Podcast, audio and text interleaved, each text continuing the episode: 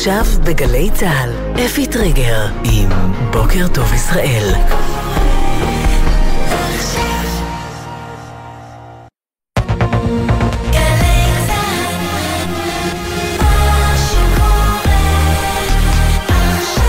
גלי צה"ל, שש בבוקר. בוקר טוב ישראל עם אפי טריגר. שלום לכם. היום ה-20 למלחמה, צה"ל המשיך הלילה בתקיפות ברצועת עזה. בשעות הערב אמש מטחי טילים נורו לאזור המרכז, ארבעה נפצעו קל. בראשון לציון, פגיעה ישירה בבניין. ובשעות הצהריים, רקטה ששיגר חמאס מעזה לעבר אילת נפלה בשטח פתוח. רקטה נוספת ששוגרה לאזור הכרמל התפוצצה באוויר. במהלך היום הוסיף צה"ל לתקוף מטרות חמאס ברצועה, בהן גם מנהרות תת-קרקעיות. דובר צה"ל, תת-אלוף דניאל הגרי, אמר בהצהרתו אמש, כל תקיפה שכזו משפרת את מצבנו. היום תקף תקפנו בעיר עזה, תקפנו תשתיות טרור בבניינים ותקפנו תשתיות טרור מתחת לקרקע. כל תקיפה כזאת הולכת ומחזקת אותנו ומשפרת את מצבנו לקראת השלבים הבאים במלחמה. ובצפון, צה"ל יראת הלילה טיל קרקע אוויר ששוגר מלבנון לעבר כלי טיס מאויש מרחוק. עוד תקף צה"ל מהאוויר מטרות חיזבאללה. במהלך יום האתמול הותקפו שלוש חוליות מחבלים בגבול לבנון, אחת מהן שיגרה טילי נ"ט לשטח ישראל במהלך היום. ראש הממשלה בנימין נתניהו דוחה את הדיון במחדל שאפשר את מתקפת הפתע של חמאס לאחר סיום המלחמה ומבטיח לספק תשובות. המחדל הזה ייבדק עד תום. כולם יצטרכו לתת תשובות, גם אני, אבל כל זה יקרה רק אחרי המלחמה. כראש הממשלה אני אחראי על הבטחת עתידה של המדינה. בהצהרה נוספת שהייתה סגורה לשאלות עיתונאים, לאחר דיון קבינט המלחמה המצומצם, התייחס ראש הממשלה לראשונה בדבריו לכניסה קרקעית והכריז, העיתוי ייקבע פה אחד על ידי הקבינט בשיתוף הרמטכ"ל. עוד הוסיף נתניהו כי הממשלה תקבע ימי אבל לאומיים לאסון, ומסר כי שר האוצר בצלאל סמוטריץ' צפוי להתייחס בהמשך לגיבוי הכלכלי מהמדינה לתושבים המפונים.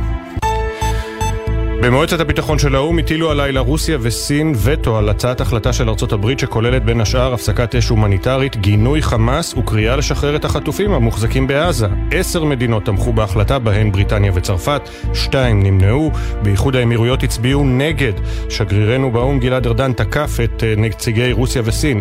איך אתם הייתם מגיבים אם זה היה קורה במדינות שלכם? How would Moscow react if terrorist death squads wiped out entire neighborhoods? How would Beijing respond if genocidal jihadists beheaded and murdered your babies?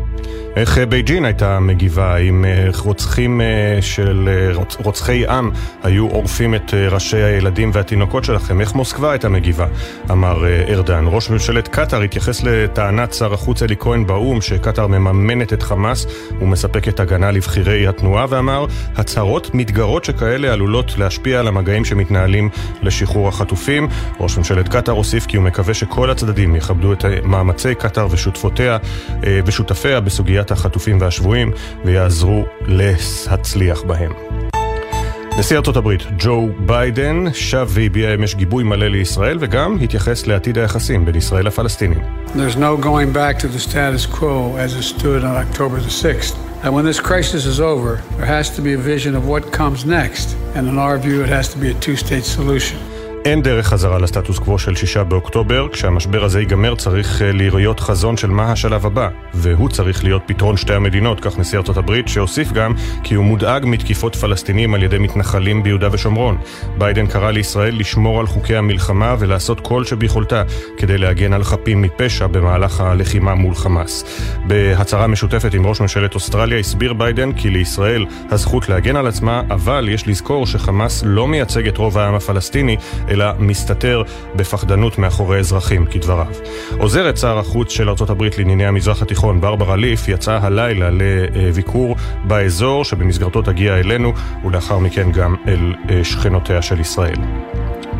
רשתות השיווק מעלות מחירים במהלך המלחמה. בחודשיים האחרונים הרשתות העלו את המחירים בשלושה אחוזים בממוצע וביותר מחמישה אחוזים וחצי מהמחיר הממוצע לפני שנה, כך עולה מבדיקת המועצה לצרכנות. עליות מחירים בולטות נרשמו בירקות ובפירות הקפואים, שמחירם זינק ב-13% אחוז בממוצע תוך חודשיים.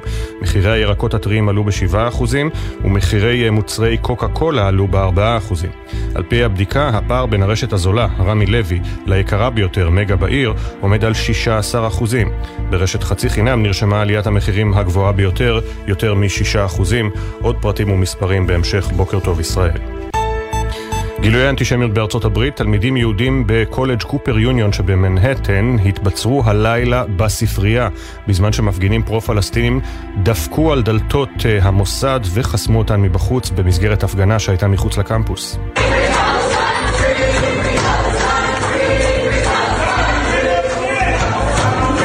האירוע נמשך כ-40 דקות עד שהמשטרה הגיעה למקום ופינתה את התלמידים היהודים בבטחה ללא נפגעים. ובמיין שבארצות הברית אירוע ירי המוני ללא קשר אה, אנטישמי. לפחות 22 בני אדם נהרגו ויותר מ-50 נפצעו, בהם כמה במצב קשה בעיר לואיסטון שבמדינת מיין.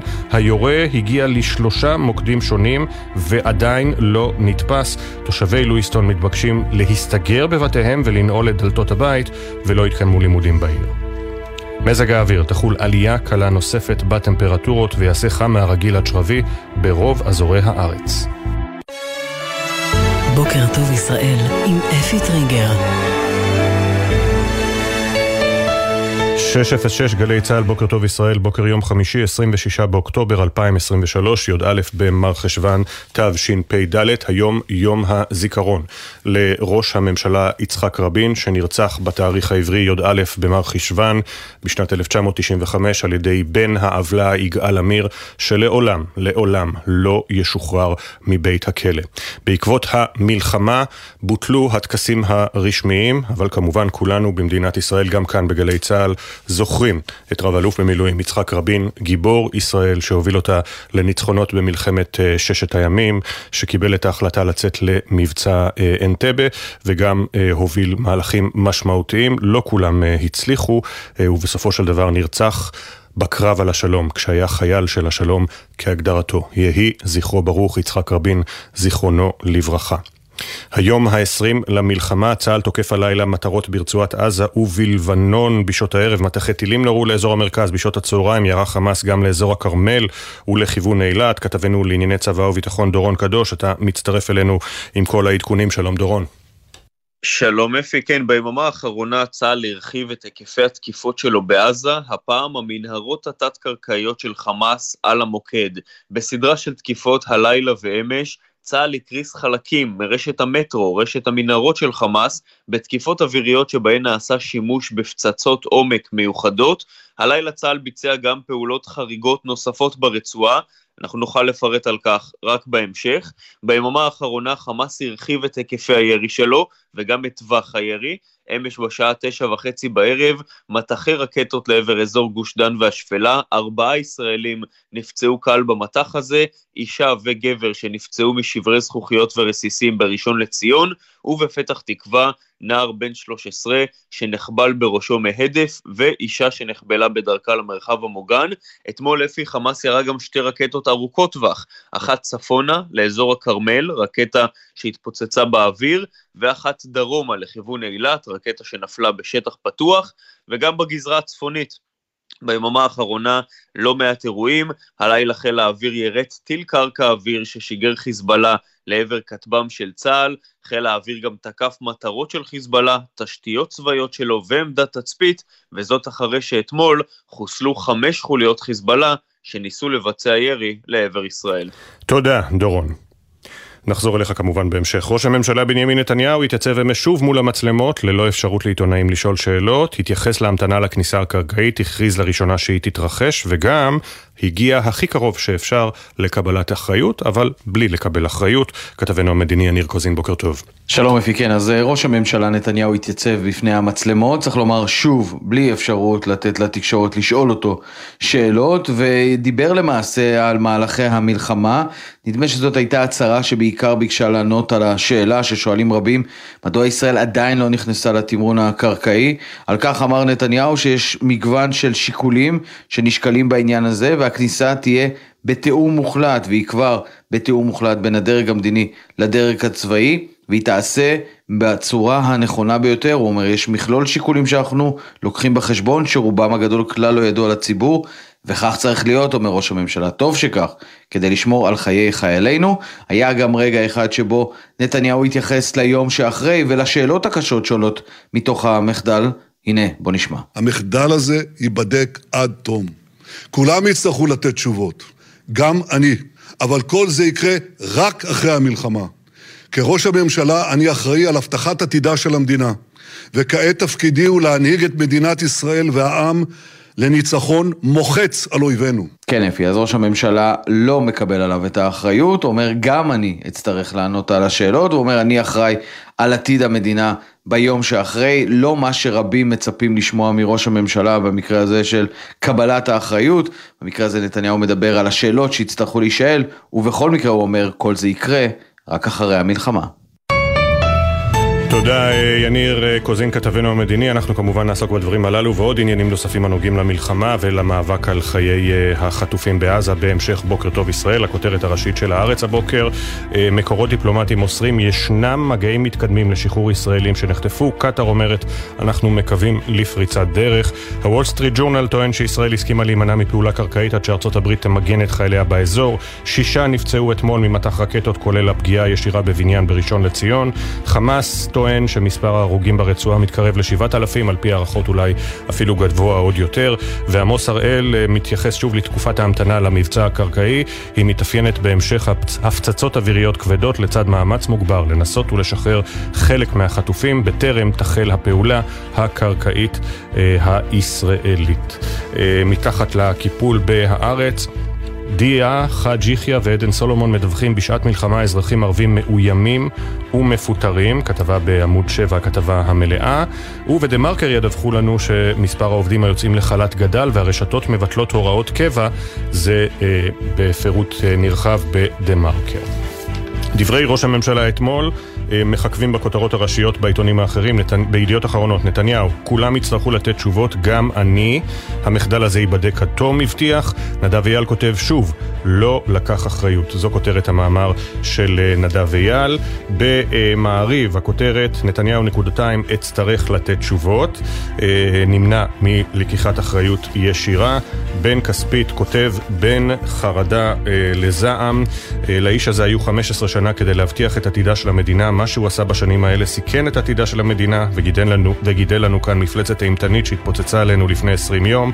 כל זה קרה במשמרת שלו, ביוזמה שלו, במדיניות שלו, והוא עדיין לא אמר שזו אחריותו, הוא לא אמר שהוא נושא באחריות העליונה למחדל העצום של כל המערכות, כך בן uh, כספית. בישראל היום הציטוט המלא, אנחנו נערכים uh, לכניסה קרקעית, נקים מחדש את היישובים והקיבוצים, מחדל 7 באוקטובר ייבדק עד תום, כולם יצטרכו לתת תשובות, גם אני. הציטוט הזה של ראש הממשלה נתניהו מופיע בכותרת הראשית של ישראל היום. מתחת לקיפול, לקראת עוד שנה אבודה, התנאים לפתיחת הכיתות, ימי הלימודים החסרים, השיעורים בזום וסוגיית המרחבים המוגנים. Uh, הכלבים שלנו הצילו חיים, מפקדי יחידת עוקץ מספרים לישראל היום כיצד הגיעו עצמאית לזירת הקרב בשבת השחורה ובסיוע הלוחמים על ארבע חשפו מחבלים, יש גם תמונה של דובר צה"ל מאחד הקרבות. בג'רוזלם פוסט, uh, התמונה בשער, קטיף מנגו, קטיף המנגו אתמול במושב שדה ניצן בדרום על ידי מתנדבים סמוך לגבול עם עזה. מאות מתנדבים הגיעו כדי לסייע לחקלאים הישראלים לקצור את הפירות, לקטוף את הפירות וזו תמונה יפהפייה של מנחם כהנא מ-AFP וזו התמונה בשער, הכותרות, שלוש כותרות משמאל, ארדואן says חמאס is liberation movement, cancels visit, ארדואן אומר חמאס אינו ארגון טרור אלא תנועה לשחרור העם הפלסטיני, ביטל את הביקור המתוכנן בישראל, צה"ל אומר Iran's hand becomes clearer, rocket fire persists, צה"ל אומר מעורבות איראן הופכת ברורה יותר ויותר יותר, נמשך ירי הטילים, ונתניהו, I too will have to answer for October 7th. נתניהו אומר, גם אני אצטרך לתת תשובות. יום חמישי, היום של הדרך, ביטאון ש"ס. יושב ראש תנועת ש"ס הרב אריה דרעי, הנוכח בקבינט המלחמה, כך זה מוגדר, חושף מעט מהנעשה בחדרים הסגורים. חמאס חייב להיעלם מן העולם, וזו המשימה העיקרית שלנו. המתקפה הפתיעה אותנו, אומר דרעי, אך התעשתנו וקיבלנו החלטה להשמיד את חמאס. נסראללה יודע היטב שאם הוא יעז לעשות דברים גדולים יותר, לבנון לא תישאר כפי שהייתה. אריה דרעי מספר על מה שקורה בקבינט המלחמה. חמאס חייב להיעלם מהעולם. אה, השיחות עם הנשיא ביידן, הוא אמר אה, לנשיא ביידן, הקדוש ברוך הוא בחר בך כשליח לעזור להצלת עם ישראל, ודווקא כמי שנמצא ורואה ועושה ומשתדל, אנו רואים בבירור כי הנה לא ינום ולא יישן שומר ישראל, אם השם לא ישמור עיר, שווא שקד שומר. אריה דרעי, הנוכח בדיוני הקבינט, הגדרה יפה של שבועון הדרך. אה, בריאיון לשבועון לבנימין גרנות. אנחנו אה, בהמשך נחזור עם עוד כותרות הנוגעות למלחמה, גם לעניינים הכלכליים. נספר לכם שפינת הפרשנים שלנו, בערך בעוד כמחצית השעה, תעסוק אה, בשאלת האנשים עם מוגבלויות בימים של מלחמה, פינוי המוני וכדומה. אנחנו בינתיים ממשיכים בסיפורים שלנו.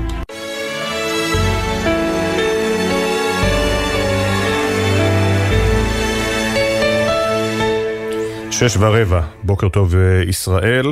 אנחנו עם אה, רבים מתושבי ישראל שנדרשים בימים אלה להתפנות מבתיהם, להשאיר את השגרה והמקום הבטוח שהפך ללא כל כך בטוח מאחור ולחכות לסיום המלחמה. זה הנושא שלנו אה, עכשיו. הצעד הזה קשה פי כמה ל-175 אלף קשישים ובעלי מוגבלויות שהפינוי מורכב יותר עבורם וגם היעד לא ברור.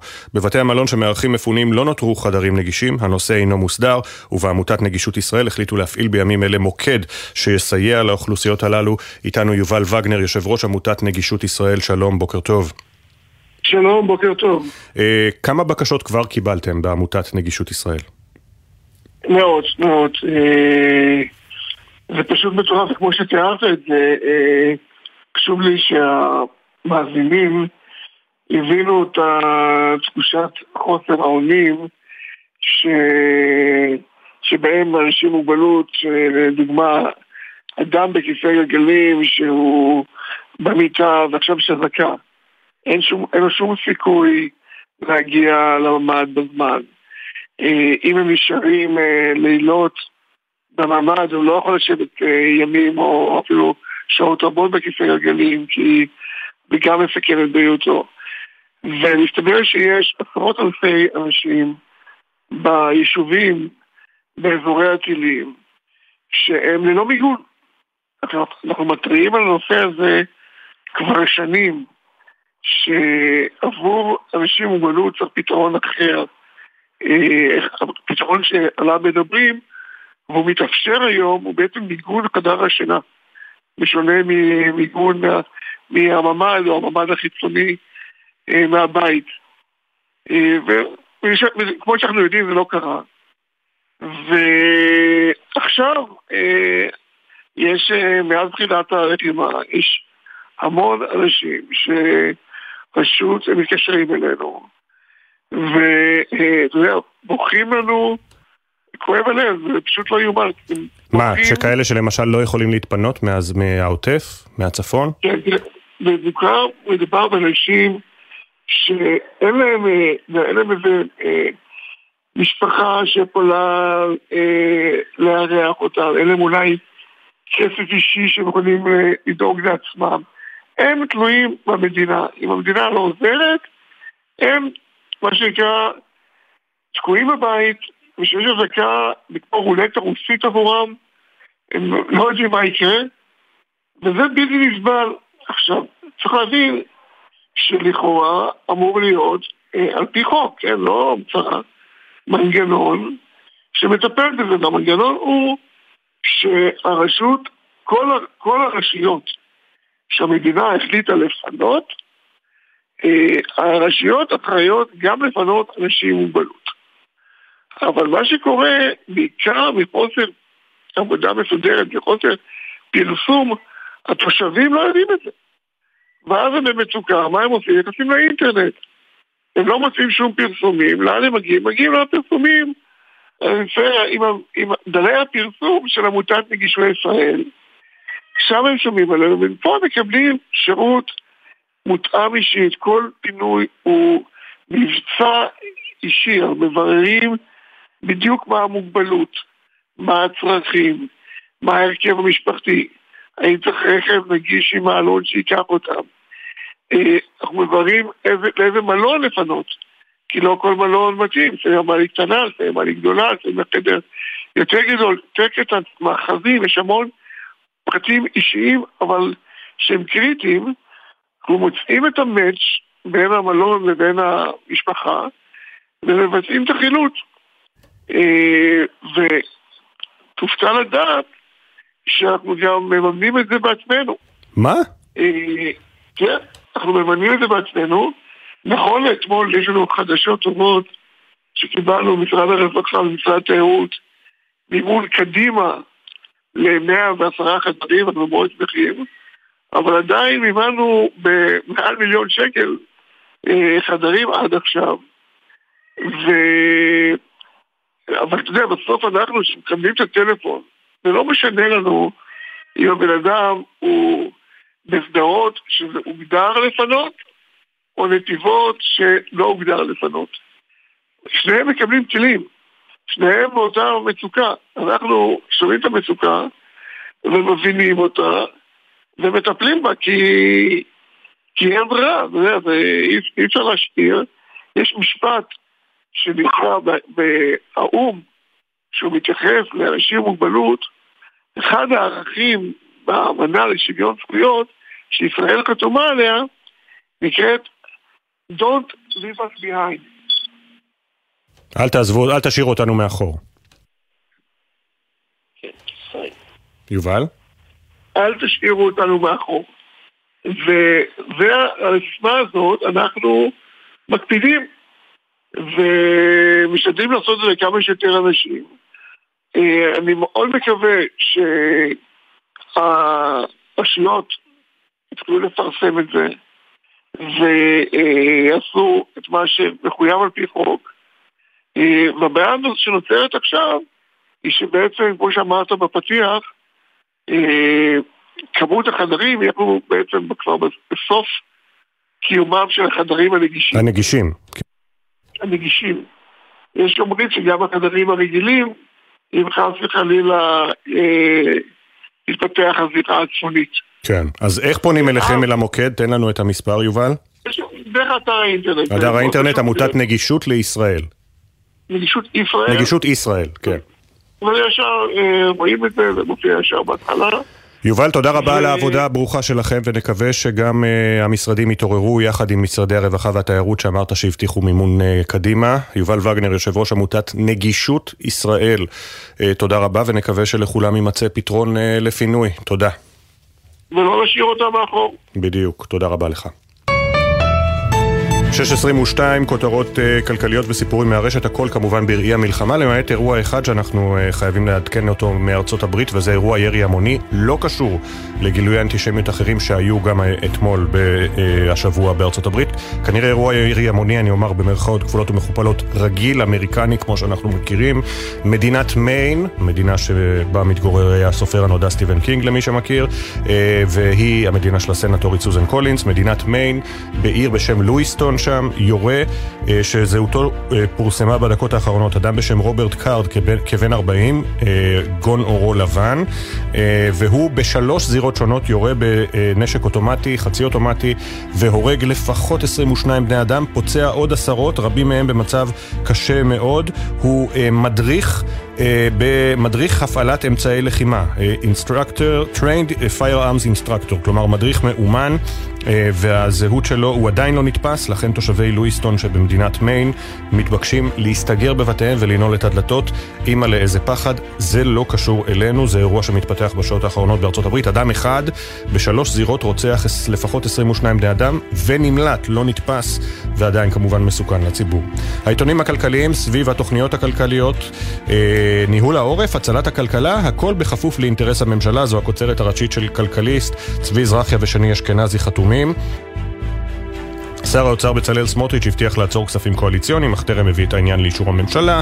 פרטי תוכנית הפיצוי לעסקים לא הושלמו. יושב ראש ועדת הכספים משה גפני לא מקדם אותה בינתיים. שר הכלכלה ניר ברקת דוחף תוכנית פיצוי משלו, וגם כשסוף סוף מונה פרויקטור למלחמה, בחרו במנכ"ל חברת החשמל מאיר שפיגלר, יריב מר של פקידי האוצר, אך עם קשרים טובים בקואליציה. על הדרך, חברת החשמל, אחת החשובות בזמן מלחמה, תפעל עכשיו בלי יושב ראש ועם מנכ"ל ברבע משרה. אה, זה בכלכליסט. כתבה מאוד מאוד מעניינת של ליטל סמט, מי הציל את החתן של טראמפ? זוכרים את ג'ארד קושנר? התפקיד של קטאר במלחמה מאיר באור חדש את קשריו של ג'ארד קושנר במפרץ. הכתבה מופיעה בעמוד 11 בכלכליסט, מאת ליטל סמט כאמור. אה, יש לו יחסים חמימים עם ריאד וגם עם דוחה. חתנו של נשיא ארצות הברית לשעבר דונלד טראמפ הגיע השבוע לריאד כדי להשתתף בדאבוס של המדבר לצד בכירי וול סטריט. ברקע התמיכה הפיננסית של קטאר בחמאס, ההשקעות של המדינה המפרצית בחברת הנדל"ן של קושנר אה, קיבלו הקשר בעייתי. זה בכלכליסט חלק מהכותרות. במוסף כלכליסט, ראיון עם יזהר שי, השר לשעבר, ששכל בשבעה באוקטובר את בנו ירון, לוחם סיירת הנחל שנהרג בקרב בקיבוץ כרם שלום, והוא אומר לדיאנה בחור ניר, רק השבוע זה היכה בי שירון כבר לא יחזור. שר לשעבר יזהר שי, יזם אה, הייטק, היה איש כחול לבן. בדה מרקר, הפרדה מלאכותית, הממשלה נותנת פיצוי לפי המרחק מהגדר. המינהלת לשיקום היישובים בעוטף מתמקדת ברשויות שנמצאות במרחק של עד 7 קילומטרים אה, מהגבול עם רצועת עזה, אף שגם מקומות רחוקים יותר ספגו מכה קשה. ממש עוד מעט אנחנו נדבר עם תושבת קיבוץ ברור חיל בהקשר הזה. נתי טוקר עם הכתבה המלאה בעמוד 3 בדה מרקר.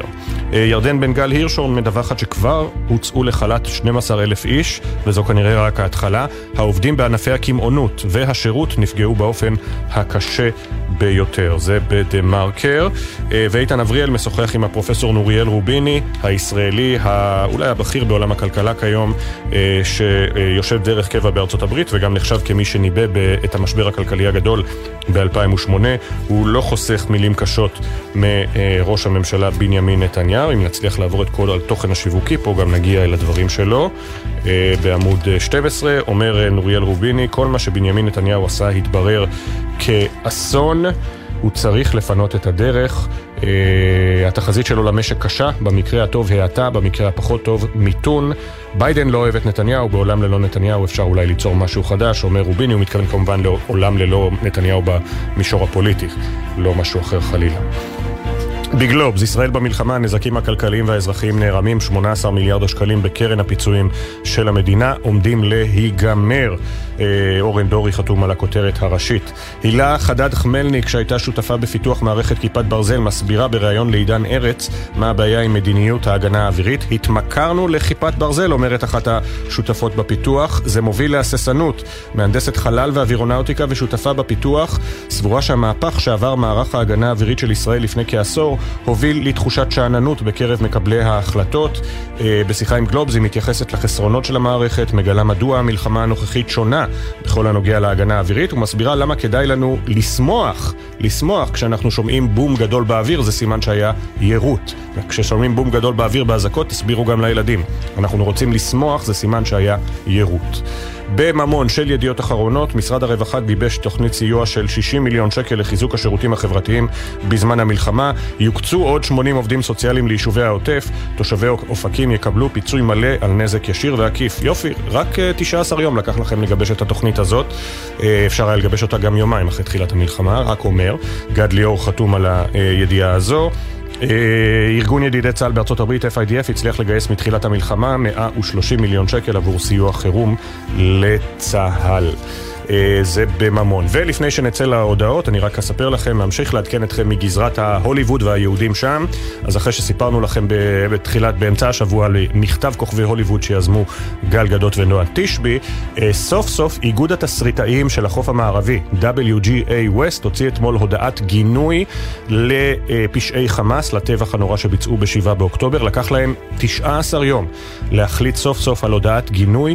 זה עורר זעם רב בקרב תסריטאים. תומכי ישראל, בהם גם יהודים רבים. אה, מוקדם יותר אתמול תסריטאי בכיר מאוד, אה, ישראלי יהודי בשם אה, תום גורדון, הודיע שהוא פורש מה-WGA במחאה על כך שהם לא מגנים את הטבח של חמאס, ובתגובה, כעבור כמה שעות, סוף סוף הם הוציאו הודעת גינוי. ה-WGA, גילדת התסריטאים של החוף המזרחי, WGA East, עדיין לא פרסמו גינוי לטבח הנורא ולברברים של חמאס. רק אני אתקן את עצמי, דיברנו עכשיו עם יושב ראש עמותת נגישות ישראל, פינת הפרשנים שלנו תהיה על תפקיד האו"ם אחרי אה, הדברים ההזויים, שלא לומר המגונים, של מזכ"ל האו"ם אנטוניו גוטיירש, ואחרי ההודעה, ההודעות אנחנו נהיה עם עדכון החצי ונדבר עם תושבת ברור חיל על אה, הבעיות אה, שלהם בימים אלה. בוקר טוב ישראל, מיד חוזרים.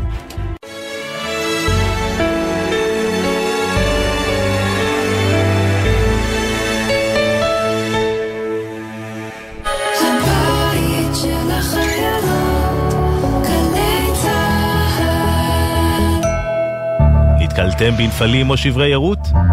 לא נוגעים וכמובן לא מצלמים. מתרחקים, מרחיקים את הסובבים ומיד מדווחים למשטרת ישראל. הנחיות פיקוד העורף, מצילות חיים. יש לכם משכנתה או הלוואה לשלם? בנק ישראל מסייע לכם. לקוחות כל הבנקים ברחבי הארץ, שימו לב, כדי להתמודד עם המצב, מוצעת לכם עכשיו שורת הקלות, ובהן אפשרות לדחיית תשלומים, פטור מעמלות, הקלה בריבית על משיכת יתר ועוד. למידע על ההקלות לציבור ועל ההקלות המיוחדות לאוכלוסיות שנפגעו, היכנסו לאתר בנק ישראל. המתווה ייכנס לתוקף ב-31 בחודש. בעקבות המצב הביטחוני במדינת ישראל, אנשי משרד החינוך מלווים את משפחות הנפגעים והמפונים, ונותנים מענה רגשי, חברתי וחינוכי לילדים ולבני הנוער. אנשי השירות הפסיכולוגי-ייעוצי של משרד החינוך נותנים מענה במגוון נושאים לצוותי החינוך, לתלמידים ולהורים. כוכבית 6552, קו הסיוע הרגשי פועל 24 שעות ביממה. כולנו משפחה אחת. יחד ננצח. בימים כאלה אין דבר יותר מרגיע מקולה של אימא. גלי צה"ל מחבקת את האימהות במתכונת מיוחדת של קולה של אימא. כמו אהבה של אימא. בכל יום, מראשון עד חמישי, בשבע בערב, ובשישי בתשע בבוקר, עם ניידת השידור, מבסיסים ברחבי הארץ. גלי צה"ל פה איתכם, כל מקום, כל הזמן. עכשיו בגלי צה"ל, אפי טריגר עם בוקר טוב ישראל. 6.31 הכותרות. היום ה-20 למלחמה, צה"ל המשיך הלילה בתקיפות ברצועת עזה. בשעות הערב נורו מטחי טילים לאזור המרכז. ארבעה נפצעו קל, כשבראשון לציון הייתה פגיעה ישירה של רקטה בבניין. בשעות הצהריים, רקטה ששיגר חמאס מעזה לעבר אילת נפלה בשטח פתוח. רקטה נוספת ששוגרה לאזור הכרמל התפוצצה באוויר. במהלך היום הוסיף צה"ל לתקוף מטרות חמאס ברצועה, בהן גם מנהרות תת-קרקעיות, ובמהלך הלילה תקיפות בעוצמה שמוגדרת חריגה. דובר צה"ל, תת-אלוף דניאל הגרי, מבטיח כל תקיפה שכזו זו מסייעת לצה"ל. היום תקפנו בעיר עזה, תקפנו תשתיות טרור בבניינים ותקפנו תשתיות טרור מתחת לקרקע. כל תקיפה כזאת הולכת ומחזקת אותנו ומשפרת את מצבנו לקראת השלבים הבאים במלחמה. ובצפון, צה"ל ירט הלילה טיל קרקע אוויר ששוגר מלבנון לעבר כלי טיס מאויש מרחוק. עוד תקף צה"ל מהאוויר מטרות חיזבאללה במהלך יום האתמול. של... בהן שלוש חוליות מחבלים בגבול לבנון, אחת מהן לפחות שיגרה טילי נ"ט לשטח ישראל במהלך היום. מועצת הביטחון של האו"ם הטילה הלילה וטו על הצעת החלטה של ארצות הברית שכוללת בין השאר הפסקת אש הומניטרית, גינוי של חמאס וקריאה לשחרר את החטופים המוחזקים בעזה. את הווטו הטילו רוסיה וסין. עשר מדינות תמכו בהחלטה, בהן צרפת ובריטניה, שתיים נמנעו, איחוד האמירויות הצביעו נגד. שגריר ישראל באו"ם גלעד ארדן תקף את נציגי רוסיה וסין בעקבות הווטו. How would Moscow react if terrorist death squads wiped out entire neighborhoods? How would Beijing respond if genocidal jihadis beheaded and murdered your babies? איך מוסקבה תגיב אם פלוגות מוות של טרוריסטים היו מוחקות שכונות שלמות? איך בייג'ין הייתה מגיבה אם ג'יהאדיסטים רוצחי העם היו עורפים את ראשי התינוקות שלכם? כך ארדן לנציגי רוסיה וסין. ראש ממשלת קטאר, מוחמד בן עבד אל-רחמן א-ת'אני, התייחס להצהרת שר החוץ אלי כהן באו"ם, שטען שלשום כי קטאר מממנת את חמאס ומספקת הגנה לבחיריו. לדברי ראש ממשלת קטאר, הצהרות מתגרות שכאלה עלולות להשפיע על המגעים שמתנהלים לשחרור החטופים. הוא הוסיף כי תקוותו היא שכל הצדדים יכבדו את מאמצי קטאר ושותפיה בסוגיית החטופים והשבויים. עוד גילויי אנטישמיות ביממה האחרונה בארצות הברית, תלמידים יהודים בקולג' קופר יוניון שבמנהטן התבצרו הלילה בספרייה של המוסד בזמן שמפגינים פרו-פלסטינים הלמו על הדלתות וחסמו אותן מבחוץ במסגרת הפגנה נגד ישראל שהייתה בקמפוס. האירוע נמשך כ-40 דקות, ובסיומו עם הגעת המשטרה היא פינתה את התלמידים היהודים בבטחה ללא נפגעים בגוף. אין עדכוני תנועה לנהגים מאולפן גלגלצ, מזג האוויר תחול עלייה קלה נוספת בטמפרטורות ויעשה חם מהרגיל עד שרבי ברוב אזורי הארץ.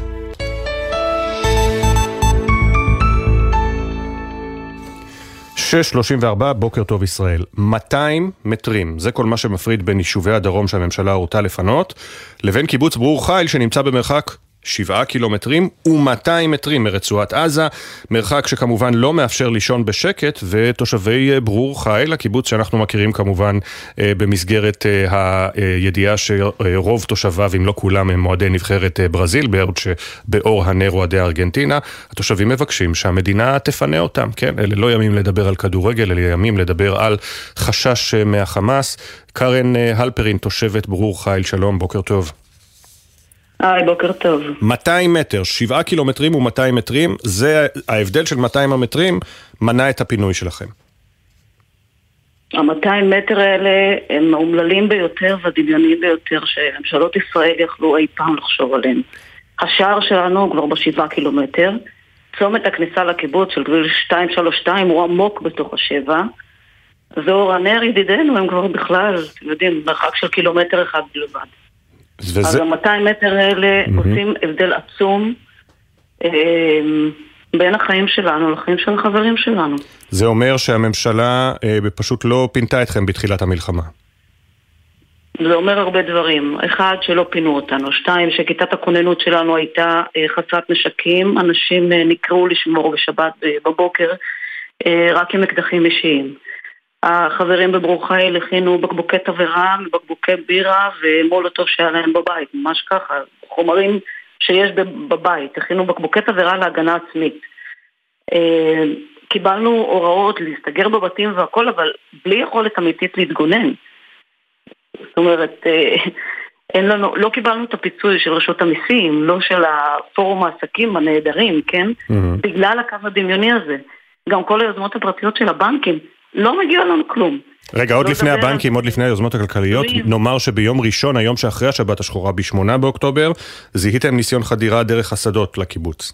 היה ניסיון חדירה דרך השדה. אה, אותו טנדר עם מחבלים זיהה את הרבש"ץ שלנו, הרבש"ץ זיהה אותם, הוא פשוט עשה אחורה פנה ותפסו אותו בשדות של חלץ. שזה זה השדות שנושקים לנו. פשוט הם קצת יותר קרובים ליישוב אחר. היה לנו הרבה מזל. זה מה שהיה לנו. ועכשיו נדבר גם על העניינים הכלכליים, כי כמו כולם שהתפנו מהעוטף, גם אתם עם ה-200 מטר העודפים במרכאות, אה, לא עובדים עכשיו. אבל אתם לא זכאים להטבות.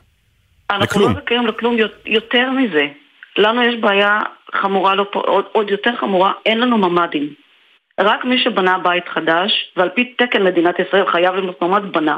כל בתי הוותיקים שיש להם אה, על פי פיקוד העורף 30 שניות, אבל אנחנו גדלים וחיים בתוך ה-15 שניות אחרי אזעקה, ותיק בן 70 צריך להחליט אם הוא שובר יד או רגל כשהוא צריך לרוץ למקלט בשכונה.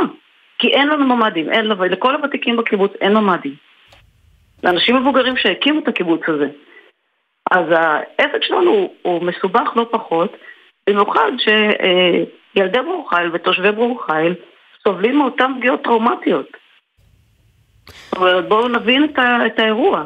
מה קרה לאחר... שער אה, הנגב נותן לנו את אותו טיפול. מה קרה לאחר הסבבים הקודמים? שומר חומות, אה, צוק איתן? מה קרה מבחינת... אני מניח אה, שאנשי הקיבוץ פנו. עוד ועוד, ילד, עוד, ועוד ילדים מקבלים טיפול, עוד ועוד מבוגרים מקבלים טיפול. ופניתם למדינה והמדינה לא, לא סיפקה שום דבר עד, 2000, עד 7 באוקטובר 2023. המדינה יש לה קו דמיוני שהמציאה אותה בגלל אירועים תקציביים שלא מגיע לנו. שאנחנו 7-2, אז מה אם 80% מהמועצה הם בתוך השבע? נחל עוז, כפר עזה, מפלסים, נרעם, ארז, גבים, אור הנר, כולם בפנים. זה 80% מהמועצה. אבל אנחנו לא. עכשיו הילדים שלנו נוסעים כל בוקר לאותו בית ספר בשער הנגב. אנחנו עובדים בשדרות ובאזור. אז כל מי שגם יש לו עסק לא זכאי לשום דבר. כל העצמאים לא זכאים. אפשר לפטר אותנו מהעבודות. כי אנחנו פשוט לא זכאים. לא זכאים לכלום ושום דבר. אנחנו כרגע, חלק, מה, חלק מהקיבוץ נמצא במלון בצפון, שהמועצה מממנת. שער הנגב כן מבינה את האירוע הזה. שער הנגב עושה הכל לטובת הקיבוץ שלנו ולטובת אה, אה, דורות ורוחמה. המדינה יש לה קו דמיוני, שפשוט לא מאפשרים את זה. עד כדי כך היה לנו ויכוח עם פיקוד העורף שישאירו אותנו ב-15 שניות גם אם זה לא קשור לתקציב כי אנחנו רגילים לרוץ 15 שניות ואם אנחנו נאריך אנחנו עלולים להיפצע, כי זה יכול לבלבל אותנו, איפה אנחנו נמצאים כשתופס אותנו אזעקה. ונאמר שוב שכל ההטבות הכלכליות שמגיעות לתושבי העוטף, ואתם כאמור בתוך המועצה האזורית שער הנגב, אה, פטור ממשכנתאות לחודשים הקרובים וכדומה, אתם לא זכאים אליהם בגלל ה-7200 הזה. נכון, אנחנו פשוט לא ברשימת היישובים. אני מזכירה, השער שלנו, השער הצהוב הידוע, הוא בתוך השבע. הצומת פנייה לקיבוץ, בכביש 232, הוא עמוק בשבע. הם פשוט סופרים את זה לפי הבית הראשון. אז מה יהיה? אנחנו עובדים על זה, אנחנו נ... אז זה יהיה.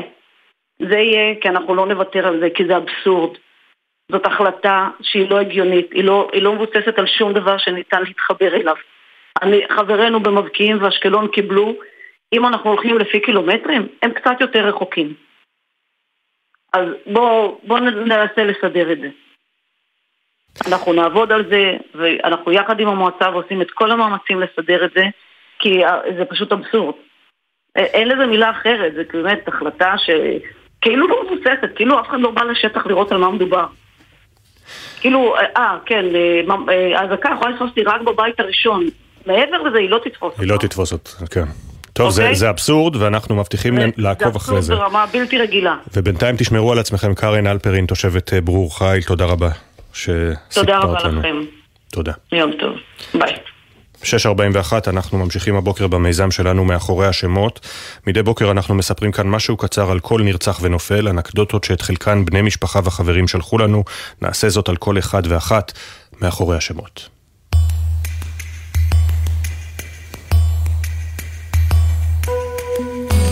סמל ברק בן דוד, בן 19 מדימונה, לוחם בגדוד 13 בחטיבת גולני. ברק היה אוהד מסור של בית"ר ירושלים, החברים מהילדות מספרים שתמיד היה אפשר למצוא אותו משחק כדורגל או שוטרים וגנבים בשכונה.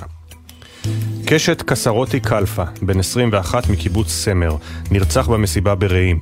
אמו נזכרת שבגיל שלוש קרע ברך והציע לה נישואין.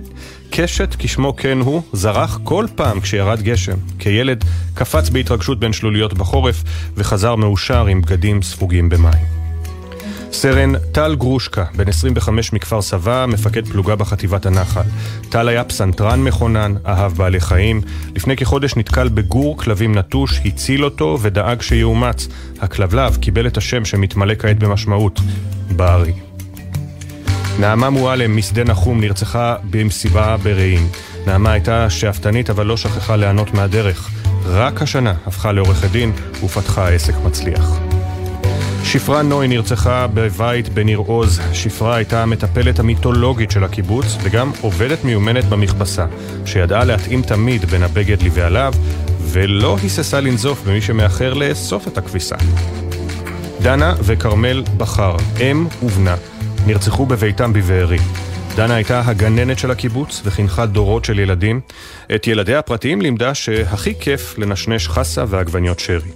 כרמל בילה את מיטב שעותיו בים, ובקשתו האחרונה הייתה להיקבר עם הגלשן, שכל כך אהב. רב טוראי אריאל אליהו, בן 19 ממצפה יריחו, היה לוחם בגדוד 77. אחרי קריאה במגילת אסתר כתב אריאל, הפאנץ' הגדול בסוף היה שבמגילה לא קרה שום נס. הנס היחיד שהיה, כל שבר קרה בדיוק ברגע הנכון. הקדוש ברוך הוא רוצה בטובתנו תמיד, גם כשזה לא נראה ככה, כתב אה, אריאל, ומשפחתו רואה בכך צוואה לימים אלו. חמישה מבני משפחת בירה נרצחו בקיבוץ בארי. האם יסמין עלתה מארגנטינה וליוותה בהתנדבות בשנה האחרונה צעירה בסיכון. האב אורון אהב לצלול. הבת תאיר הייתה אומנית ששמה דגש על איור האנשים השקופים בחברה כדי לתת להם ביטוי ומקום. הבת תהל, שנרצחה שבוע לפני יום הולדתה השישה עשר, הייתה מלאת חמלה לבני אדם, לבעלי חיים, ובייחוד לכלב האהוב של המשפחה פונצ'ו. אחיו של אורון טל היה מומחה לבישול פרסי. רב סמל ראשון במילואים, סער מרגוליס, בן 37, היה הרבש"ץ המיתולוגי של כיסופים ומייסד כיתת הכוננות. אף שעזב לא מזמן את תפקידו כרבש"ץ, הצורך להגן על חברי הקיבוץ היה חזק ממנו, וב-7 באוקטובר הסתער לעבר המחבלים. כילד מספרים שהיה מופרע, מהסוג שכל יומיים היה צריך לתפור לו מקום אחר. תמר גולדנברג, בת 24 מראשון לציון, נרצחה במסיבה ברעים. תמר אהבה מאוד מוזיקה ולמדה משחק. מספרים עליה שידעה לחיות את הרגע, עד הרגע האחרון. אביה וינאי חצרוני, סבא ונכד, נרצחו בקיבוץ בארי. אביה, בן 69, כונה אבויה, והתנדב במד"א יותר מ-20 שנה. הוא היה הרבה מעבר לסבא עבור הנכדים. ינאי, כמעט בן 13, היה אוהד מושבע של ברצלונה, ולא הספיק להגשים את החלום לצפות במשחק של הקבוצה בקמפ נור. סמל אור מזרחי, בן 20 מרמת גן, היה לוחם בגדוד 414 בחיל הגנת הגבולות. אור הספיק לרכוש כרטיסים להופעה של אביתר בנאי שאהב מאוד. יום אחרי ההופעה, שלא יצא לפועל, בנאי הגיע ללוות בשיר את אור בדרכו האחרונה. אבנר גורן נרצח בביתו בניר עוז. אבנר היה איש רוח ויצירה. הקטעים שכתב בשנינות רבה ליוו את מנגינת החגים בקיבוץ. סרן שילה הר אבן, בן 25 מאלמון, היה מפקד פלוגה בגדוד 13 בגולני. כששילה פגש את בת זוגו תמר, ידע מיד שמצא את האחת. הם שכרו דירה יחד, בסופי שבוע ובכל רגע פנוי טיילו ובילו, והחלו לתכנן חיים ומשפחה. רב סמל מיכאל ליזמי, בלש משטרה בתחנת באר שבע, נפל בקרבות באופקים. כשמיכאל שמע על חדירת המחבלים, הוא זינק מיד להילחם, עדיין עם בגדי בית קצרים וכפכפים. פקד אברהם הנקין, בן 39, היה לוחם בימ"מ. אברהם, או אברום כפי שכונה, היה יוצא החברה החרדית ונהג תמיד להצטנע. עד כדי כך שלא סיפר לחבריו כשקיבל ממפכ"ל המשטרה את עיטור המופת לפני עשר שנים. מנוחה חולתי נרצחה בקיבוץ כיסופים בגיל 76, מנוחה הייתה מורה ואשת חינוך. תלמידיה מספרים שהיוותה עבורה מגדלור, ראתה תמיד כל ילד וניסתה לתת לו את הדבר שהכי היה זקוק לו. סרן במילואים יובל הליבני, בן 39 ממשגב דוב, היה לוחם בגדוד המילואים 7008. השיר האהוב על יובל, חצי מתמד, מצמד תאומים ג'ינג'ים, היה כל עוד של יוני רכטר ואלי מוהר. מילות השיר קיבלו משמעות נוספת ומרגשת עבורו, כשבנו נולד לפני שנה ועשרה חודשים. אילן אברהם, בן 56 מבית אריה עופרים, נרצח במסיבה ברעים. אילן, אב שבט הטראנס, תמיד הגיע מצויד למסיבות, ביד אחת שפריצר מרענן, עם מים קרים בצידנית למילוי, ביד השנייה נצנצים, שפיזר לכל עבר. להלווייתו הגיעו כל אוהביו של אילן, בבגדים צבעוניים כמוהו, הפנים והשמות. הסיפורים המלאים יעלו בהמשך לעמוד האינסטגרם והפייסבוק של גלי צה"ל, ואנחנו מזכירים, אנחנו פונים עליכם, בני משפחה וחברים, אתם מוזמנים לשלוח לנו סיפורים ותמונות למייל זיכרון שטרודל glz.co.il, זיכרון עם K. תודה לכתבותינו תמר שונמי ואנה פינס, שהביאו את הסיפורים לשידור כמדי uh, יום. אנחנו בפינת הפרשנים שלנו הבוקר, מה עושים עם האו"ם? אה, הרושם מדבריו, דברי הבלע של מזכ"ל האו"ם אנטוניו גוטיירש שלשום, אה, רושם שלא יימחק שנים ארוכות בקרב כל אה, ישראלי, יהודי ואוהב ישראל והיהודים. כזכור הוא אמר שמתקפת חמאס לא הגיעה בוואקום, בחלל ריק, כיוון שהם 56 שנה הפלסטינים תחת כיבוש חונק, suffocating occupation, כך הוא אמר באנגלית. אחר כך ניסה, נפגש עם משפחות החטופים בניו יורק, טען שדבריו הוצאו מהקשרם, עד לרגע זה לא התנצל, לא הבהיר שחמאס הוא ארגון טרור רצחני ושאין שום הצדקה לרצח חפים מפשע על ידו. איתנו הדוקטור מיכל חתואל רדושיצקי, מרצה באוניברסיטת תל אביב וחברה בפורום דבורה, שלום לך, בוקר טוב. בוקר טוב. יקי דיין, לשעבר הקונסול הכללי בלוס אנג'לס, שלום לך, בוקר טוב. שלום אפי. דוקטור מיכל חתואל רדושיצקי, ניסוח הכותרת אתמול בידיעות אחרונות תפס אותי ולא עוזב אותי עד עכשיו. האו"ם, האומות המאוחדות, הארגון שהוקם כלקח בעקבות פשעי הנאצים נגד היהודים בשואה, העומד בראשו מצדיק אה, או מוצא צידוק מסוים למעשה הטבח של 7 באוקטובר. זה פשוט לא ייאמן. Uh, תראה, אני בטח לא אבוא ויגן פה על uh, מזכ"ל האו"ם בהקשר של הדברים שלו ב-24 באוקטובר. Uh, כפי שאתה הגדרת אותם, דברים מאוד מאוד בעייתיים, חד צדדיים. אבל אני מציעה פה כן להסתכל על האו"ם כמשהו רחב יותר, ארגון שהוא מאוד מאוד חשוב גם לדיפלומטיה הבינלאומית וגם לישראל באופן ספציפי. ארגון שחרט על דגלו לשתף פעולה אה, או לקדם שיתוף פעולה בין מדינות, להתמודד עם אתגרי האנושות, ארגון שחברים בו היום 193 מדינות, לעומת 51 מדינות שהיו חברות בו כשהוא קם ב-1945, ארגון שמשפיע על שפה, על שיח ציבורי, וארגון שכמובן גם יש לו כוח קונבנציונלי בהשתת סנקציות על מדינות והקמת משטרי סנקציות. ולכן, אם, אם כל הבעייתיות שבארגון, ויש לא מעט בעייתיות ואפשר להיכנס לזה בהמשך, אני לא חושבת שנכון להחרים או לקרוא, ל... לא, לא להכניס לכאן פקידים של האו"ם וכן הלאה, אלא המפתח הוא באמת לשתף פעולה, to engage כמה שיותר, ויש מספר דרכים לעשות את זה גם. אז תכף ניכנס לפרטים, גם כמו שאמרת, מה הבעייתיות באו"ם. יקי דיין, לשעבר הקונסול הכללי בלוס אנג'לס, קודם כל הנחת מוצא שאנחנו הישראלים לא אוהבים לשמוע. בסכסוך הישראלי-פלסטיני, לפחות עד 7 באוקטובר, אין מה לעשות, הם נחשבו החלש ואנחנו החזק, ובזירה הבינלאומית, בוודאי באו"ם, מדברים על occupation, כיבוש, זו נקודת המוצא, עד 6 באוקטובר, כמו שמגדיר את זה ג'ו ביידן. זה דבר אחד. דבר שני, מה דעתך על הקריאה של שגריר באו"ם גלעד ארדן, גם בריאיון אצלנו אתמול, לגוטיירש להתפטר או להתנצל? אז אולי מילה על האו"ם קודם כל. מדובר, mm-hmm. כמו שאמרת, בגוף שהוקם באמת אה, כלקחי מלחמת העולם השנייה בחלקו, אה, גוף שכיום uh, הוא ממש מיושן, לא רלוונטי. מועצת הביטחון, אני אתן כמה דוגמאות. מועצת הביטחון, שהוא הגוף המשמעותי ביותר בתוך, בתוך האו"ם, ההחלטה האופרטיבית האחרונה שהוא קיבל בערך, היציאה למלחמה בעיראק הייתה לפני יותר מ-20 שנה, אי אפשר להסכים שם על כלום. מדינות חשובות כמו גרמניה או הודו לא נמצאות בו. הארגון האו"ם ל...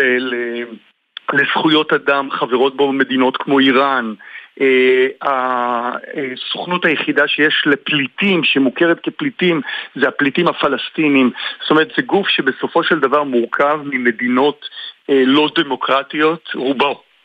מתוך המאה ה-93, יש, יש הרבה מדינות לא דמוקרטיות, ערביות, מוסלמיות, שההצבעה שלהם היא אוטומטית כנגד ישראל. זה גוף שאיבד את יהודו. והוא יכול לעסוק בדברים חשובים, אבל הוא לגמרי לגמרי איבד את יהודו, והאמירה של המזכ"ל מעידה עד כמה הגוף הזה הוא גוף מוטה וגוף אנטי-ישראלי. ולכן אני אומר, בסופו של דבר, בגלל שהוא לא רלוונטי כל כך ביום-יום, בטח מבחינה מדינית צבאית, אז אפשר לקחת אותו כרגע בעירבון מוגבל. אבל האם אתה בעד הש... קריאה לגוטיירש להתפטר?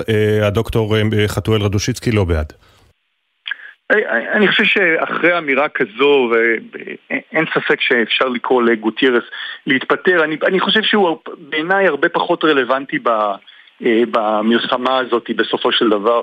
לא הוא ישנה, הוא, הוא מייצג סנטימנט, סנטימנט שקיים היום באו"ם והוא סנטימנט שבאמת, הפוליטיקה שיש היום באו"ם, המדינות הלא דמוקרטיות שחברות באו"ם ובגופים שהאו"ם מייצג מראים עד כמה הגוף הזה הוא לא רלוונטי. לגבי, עוד מילה אחת לגבי השישה שבעה באוקטובר, השישה באוקטובר שאמרת, זה, הדבר הזה, אני מניח שאחרי המלחמה, יש, ללא ספק נוצרה פה קואליציה מערבית מאוד משמעותית שעומדת לצידה של ישראל מארצות הברית וצרפת וגרמניה ובריטניה ואתמול היה צ'כיה ואוסטריה אבל צריך להבין שאותה קואליציה ביום שאחרי המלחמה לא תשנה את דעתה לגבי הרצון להגיע לכאן, כאן לפתרון מדיני.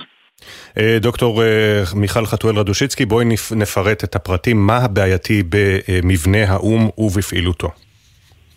קודם כל, רק מילה תגובה, mm-hmm. זה נכון שיש הרבה מדינות לא דמוקרטיות וכן הלאה, ויש הטיה אנטי-ישראלית ברורה.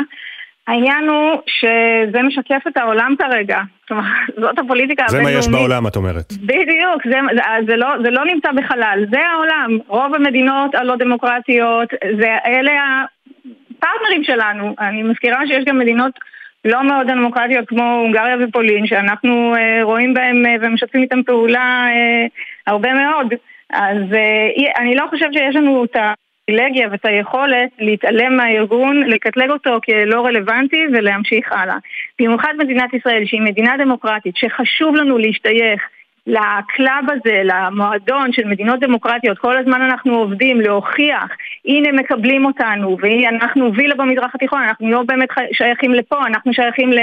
למדינות הדמוקרטיות שלא נמצאות פה, על אחת כמה וכמה אנחנו צריכות to engage בדיוק עם הפרטנרים, בדיוק עם אלה שהם לא בדיוק דמוקרטיים, בדיוק עם אלה שלא אוהבים אותנו או לא רוצים אותנו פה, ואני חושבת שזה, האו"ם זה המקום לעשות את זה. אמ, מה בעייתי באו"ם? לשאלתך, בעייתי, בהחלט. אז יש כל מיני דברים בעייתיים, אבל אני דווקא רוצה אה, כרגע, כי אני חושבת שמאוד חשוב למה שקורה היום בעזה, זה, זה הארגון האומי שנקרא אונר"א. אונר"א הוא בעצם אה, אמון על טיפול בפליטים, אה, כאשר אה, יש ארגון מיוחד, אונר"א, לטיפול הפליטים הפלסטינים, בעוד שכל שאר פליטי העולם מטופלים בארגון אחר שנקרא UNHCR, שזה בעצם המועצה הגבוהה לטיפול בפליטים. עכשיו, מעניין לדעת שאונר"א מגדיר פליטים באופן שונה משאר כלומר מהארגון המרכזי שעוסק בפליטי העולם.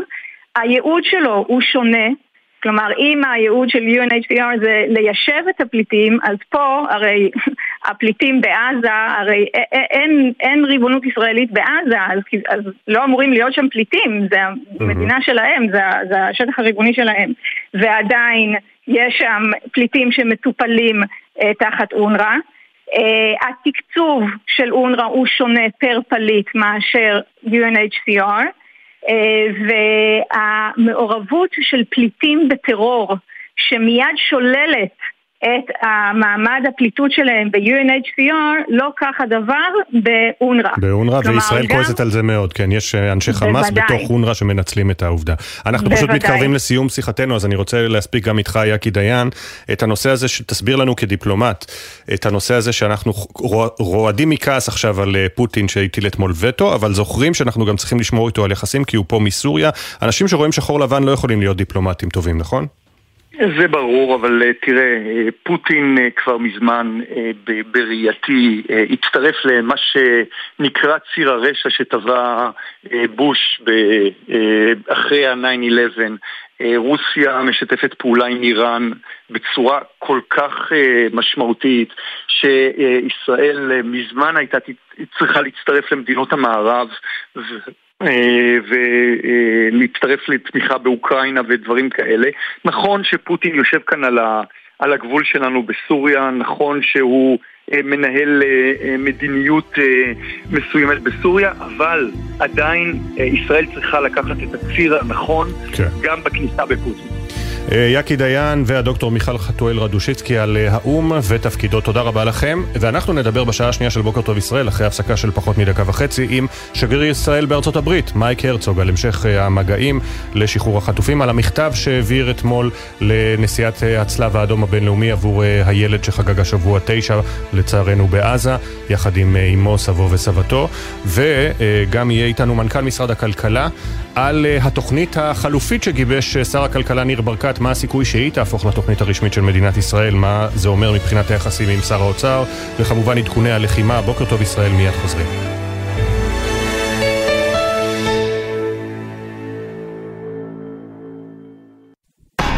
אתם מאזינים לגלי צה"ל. במשרד התחבורה מחברים את ישראל. אנו ממשיכים להפעיל את שירותי התחבורה באוויר, בים וביבשה, כדי לתמוך במערך הלחימה ולאפשר המשך רציפות תפקודית במשק הישראלי, על פי הנחיות פיקוד העורף ומשרד הביטחון. אנו זמינים במוקד המידע ופועלים כדי להעניק את השירות המיטבי בשעת מלחמה. כמו בבית, גם בדרכים נשמעים מהנחיות פיקוד העורף. נעבור את הדרך הזאת יחד. מידע באתר משרד התחבורה והבטיחות בדרכים, ובטלפון כוכבית 4515. יחד ננצח. קיבלתם התראה על ירי רקטות וטילים בזמן נסיעה בתחבורה ציבורית? בקבלת ההתראה ברכבת או באוטובוס בדרך בין-עירונית, מתכופפים מתחת לקו החלונות ומגינים על הראש באמצעות הידיים למשך עשר דקות. אם נוסעים באוטובוס בתוך העיר, ואפשר להגיע למבנה סמוך בזמן, יורדים מהאוטובוס בזהירות ותופסים מחסה במבנה. אם אין אפשרות להיכנס למבנה בזמן העומד לרשותנו, נשארים בתוך האוטובוס, מתכופפים מתחת לקו החלונות ומגינים על הראש באמצעות הידיים. עוד פרטים באתרים של פיקוד העורף, הרלב"ד ומשרד התחבורה. גלי צה"ל מזמינה אתכם להצטרף למאמץ המשותף למען התושבים בקו האש, במיזם המיטה החמה של גל"צ וגלגלצ. באמצעות מוקד הפניות שלנו נחבר בהתאם לצורך וליכולת בין אזרחים ללא פתרונות לינה בעקבות המצב, לבין אלה המוכנים ויכולים לסייע. אנו קוראים לכם לתמוך ולהיתמך. מוזמנים לפנות אלינו דרך הוואטסאפ במספר 052-91-56-466. נעבור את זה יחד. גלי צה"ל פה איתכם, כל מקום, כל הזמן. עכשיו בגלי צה"ל, אפי טריגר עם בוקר טוב ישראל.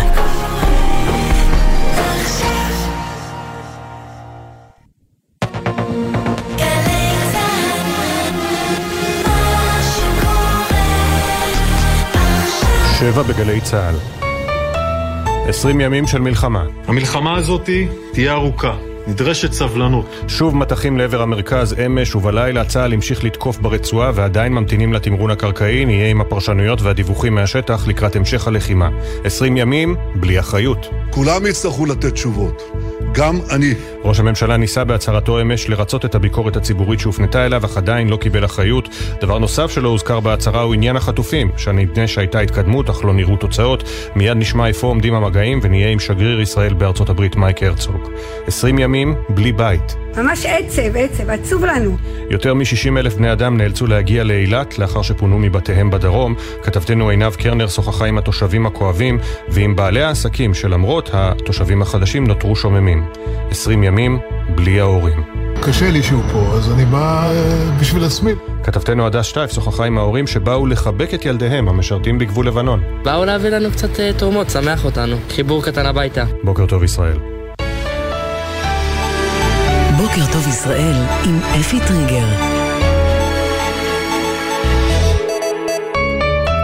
שלום לכם, היום ה-20 למלחמה צה"ל ביצע הלילה פשיטה קרקעית של כוחות חי"ר ושריון בתוך שטח הרצועה. הפשיטה הייתה בהיקף נרחב ובעומק גדול יותר בתוך עזה. מטרת הפשיטה, לתקוף מטרות חמאס מתוך הרצועה ולחזק את ההגנה. במערכת הביטחון אומרים כי מדובר בפעולה נרחבת יותר מהפשיטות שבוצעו עד כה בשטח הרצועה. כתבנו הצבאי דורון קדוש יפרסם את הפרטים מיד בבוקר טוב ישראל. אמש נפצעו לפחות ארבעה בני אדם בפגיעה ישירה של רקטה בבניין בראשון לציון. בשעות הצהריים אתמול רקטה ששיגר חמאס מעזה לעבר אילת נפלה בשטח פתוח. רקטה נוספת ששוגרה לאזור הכרמל התפוצצה באוויר. מתחילת המלחמה ירה חמאס יותר מ-7,000 רקטות לעבר ישראל, בין 500 ל-600 מהן כשלו ונפלו בשטח הרצועה. בצפון הארץ יראת הלילה צה"ל טיל קרקע אוויר ששוגר מלבנון לעבר כלי טיס מאויש מרחוק. עוד תקף צה"ל מהאוויר מטרות חיזבאללה חיזבאללה במהלך יום האתמול, בהן שלוש חוליות מחבלים בגבול לבנון, אחת מהן שיגרה טילי נ"ט לשטח ישראל במהלך היום. סין ורוסיה הטילו הלילה וטו על הצעת החלטה של ארצות הברית במועצת הביטחון של האו"ם שכללה קריאה להפסקת אש הומניטרית, גינוי חמאס ושחרור החטופים המוחזקים בעזה.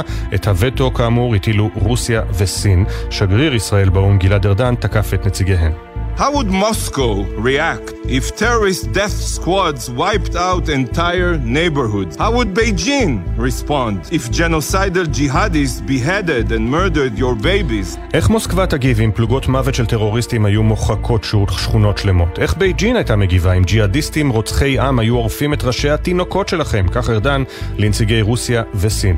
ראש ממשלת קטאר, מוחמד בן עבד אל-רחמן נתני, התייחס להצהרה התקיפה של שר החוץ אלי כהן שלשום באו"ם, שטען כי קטאר מממנת את חמאס ומספקת הגנה לבכיריו. הצהרות מתגרות שכאלה עלולות להשפיע על המגעים שמתנהלים לשחרור החטופים, אמר ראש ממשלת קטאר, והוסיף כי תקוותו היא שכל הצדדים יכבדו את מאמצי קטאר ושותפותיה בסוגיית החטופים והשבויים. שבוע לאחר שפורסמה, אין הסכמות בין משרדי הממשלה על פרטי התוכנית הכלכלית של משרד האוצר לפיצוי בעלי עסקים בתקופת המלחמה.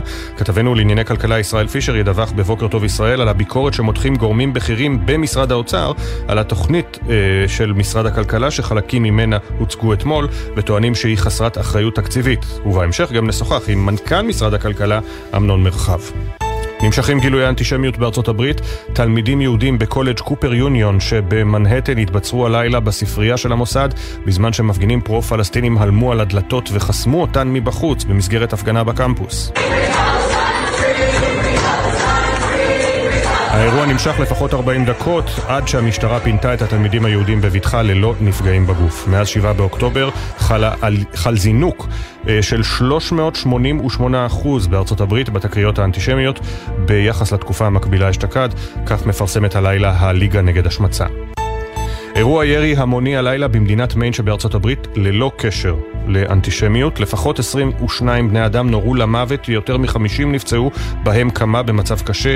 בעיר לואיסטון שבמדינת מיין, היורה רוברט קארד, מדריך אמצעי לחימה, עדיין לא נתפס. גם על אף שעבר בין שלושה מוקדים שונים שבהם ביצע את הטבח. תושבי לואיסטון שבמדינת מיין מתבקשים להסתגר בבתיהם ולנעול את דלתות הבית. עדכוני תנועה מגלגלצ, איילון דרומה עמוס ממחלף גלילות מזרח עד מחלף רוקח בגלל תאונת דרכים. מזג האוויר תחול עלייה קלה נוספת בטמפרטורות ויעשה חם מהרגיל עד שרבי ברוב אזורי הארץ. בוקר טוב ישראל עם אפי טריגר.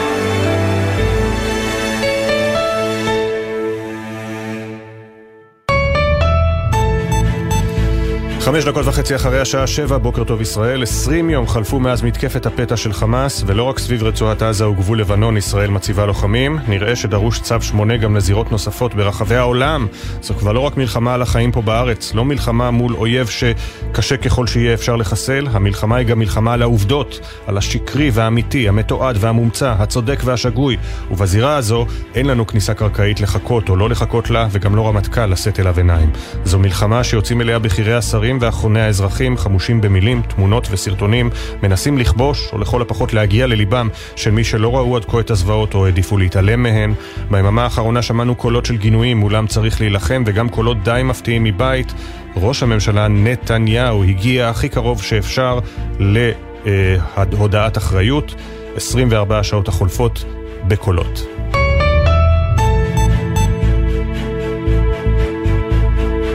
הפעם אנחנו ניקח את העוינות הזאת אה, עד הקצה ולקרוא לו להתפטר.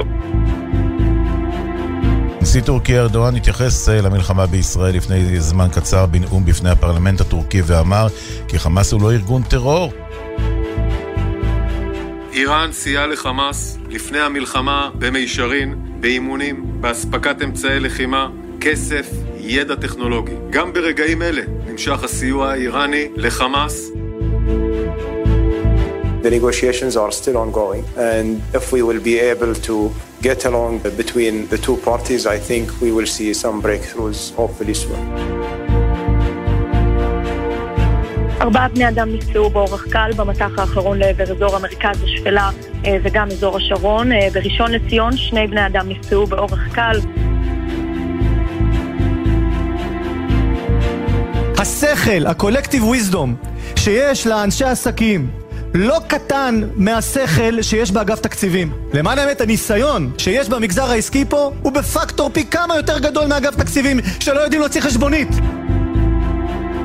אנחנו נערכים לכניסה קרקעית. המחדל הזה ייבדק עד תום. כולם יצטרכו לתת תשובות, גם אני. אבל כל זה יקרה רק אחרי המלחמה.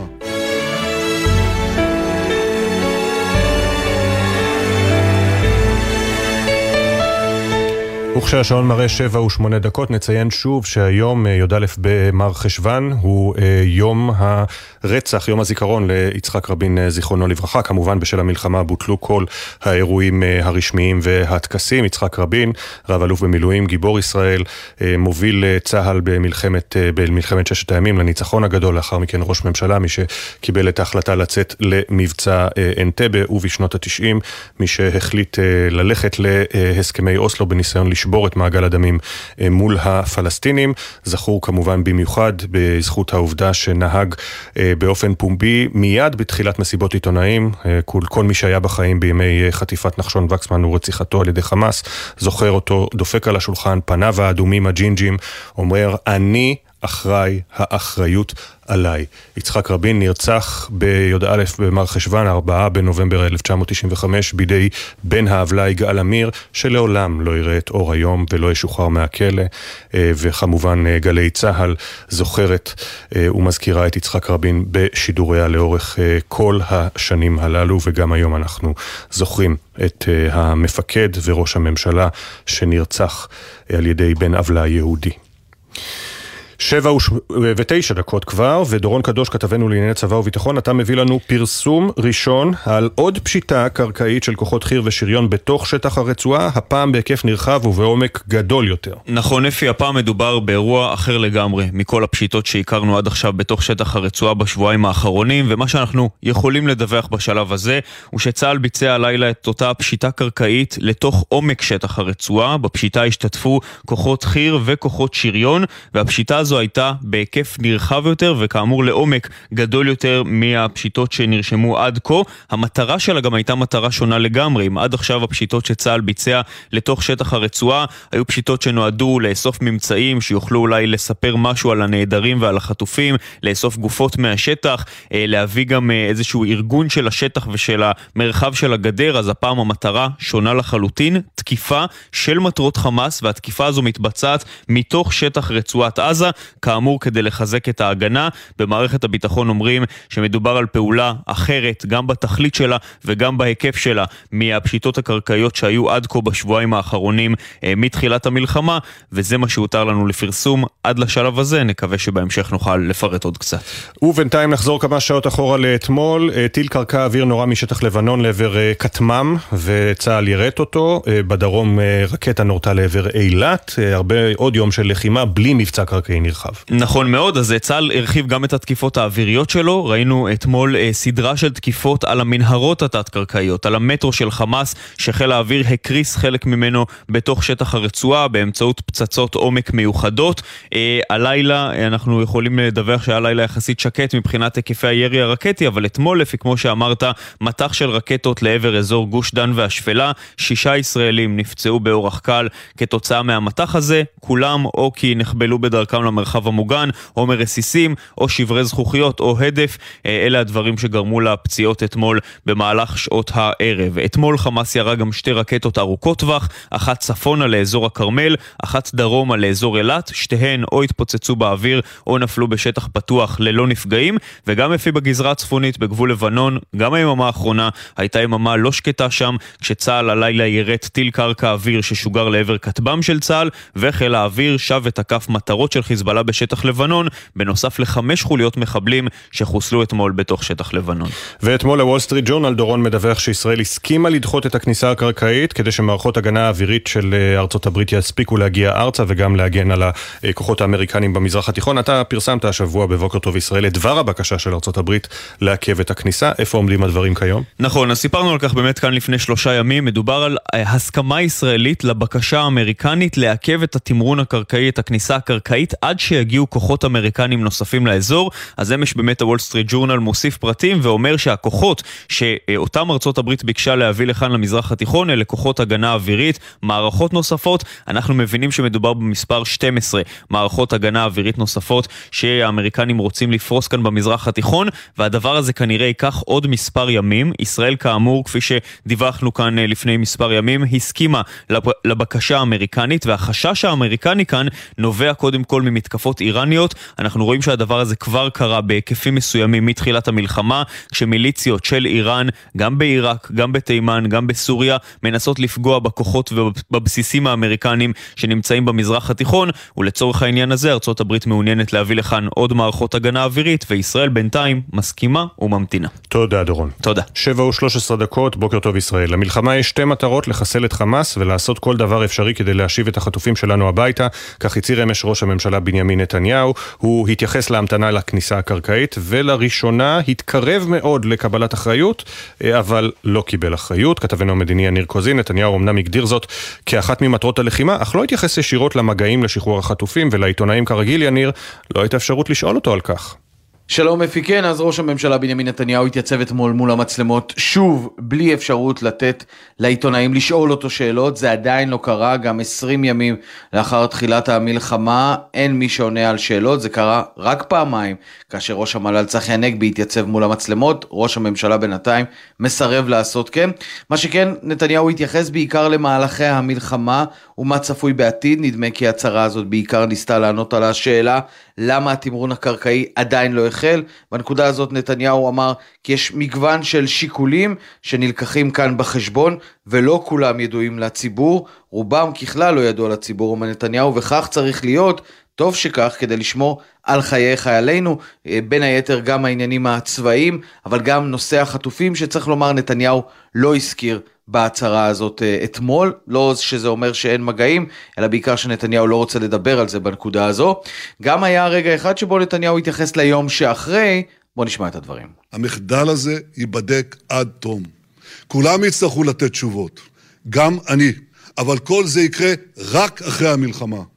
כראש הממשלה אני אחראי על הבטחת עתידה של המדינה, וכעת תפקידי הוא להנהיג את מדינת ישראל והעם לניצחון מוחץ על אויבינו. כן, אפי, אז ראש הממשלה לא מקבל על עצמו את האחריות, למרות שהיו מי שציפו שיעשה כן 19 או 20 ימים לאחר שהחלה המלחמה, הוא בעיקר אומר שכולם יצטרכו לתת תשובות, הדברים ייבחנו, וגם הוא יצטרך לתת את התשובות, ובכל מקרה כל זה יקרה לאחר המלחמה. נתניהו מדבר על אחריות בעיקר לעתיד, וכאמור, לא מדבר על אחריותו למחדל.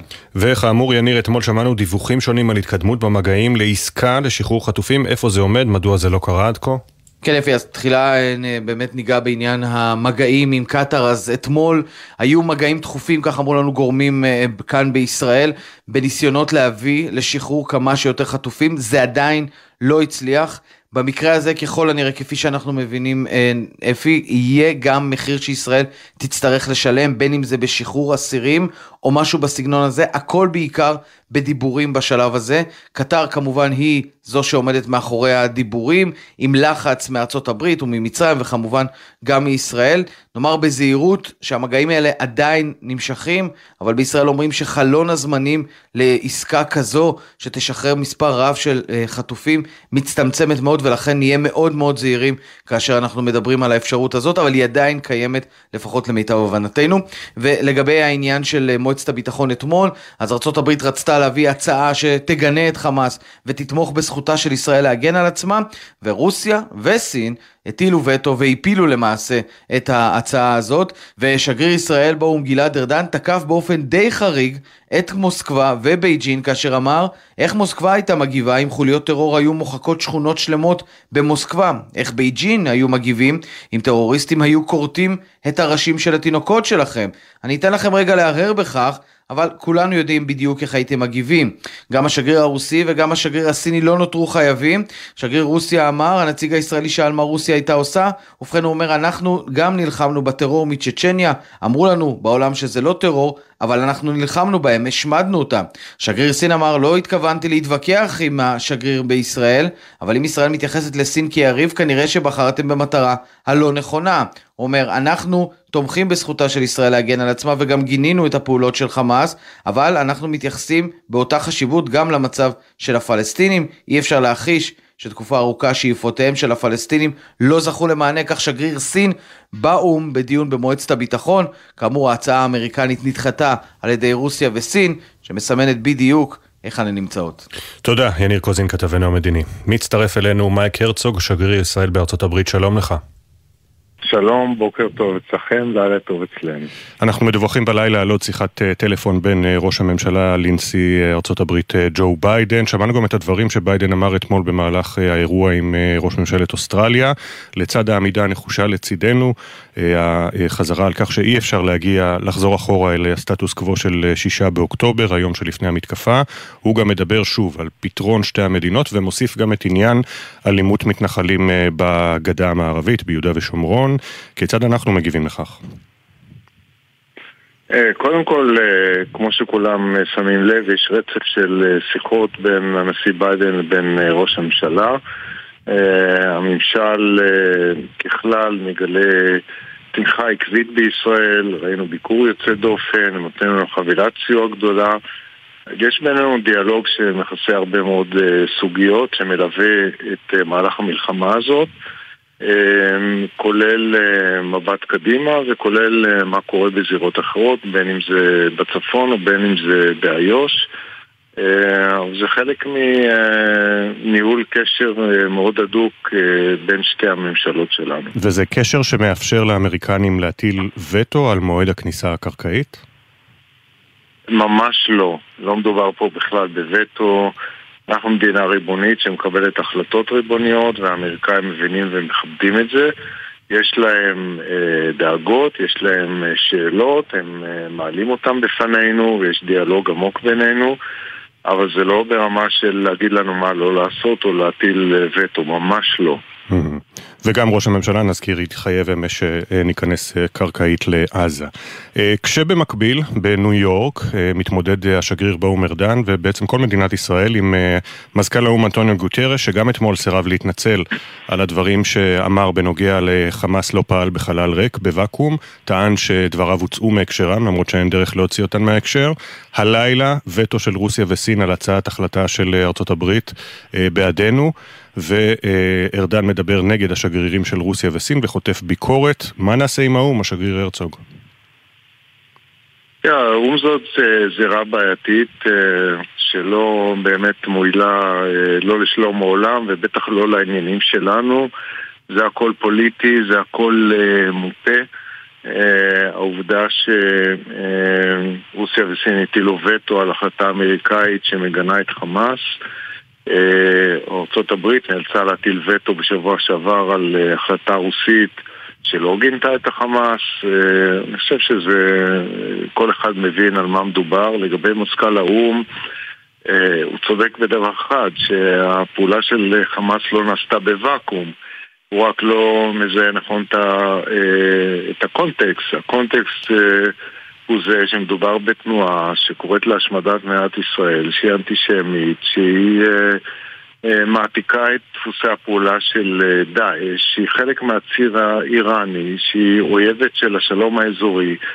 זה הקונטקסט האמיתי. וכשאומרים שזה לא קורה בוואטקום, אה, זה קורה בקונטקסט הזה.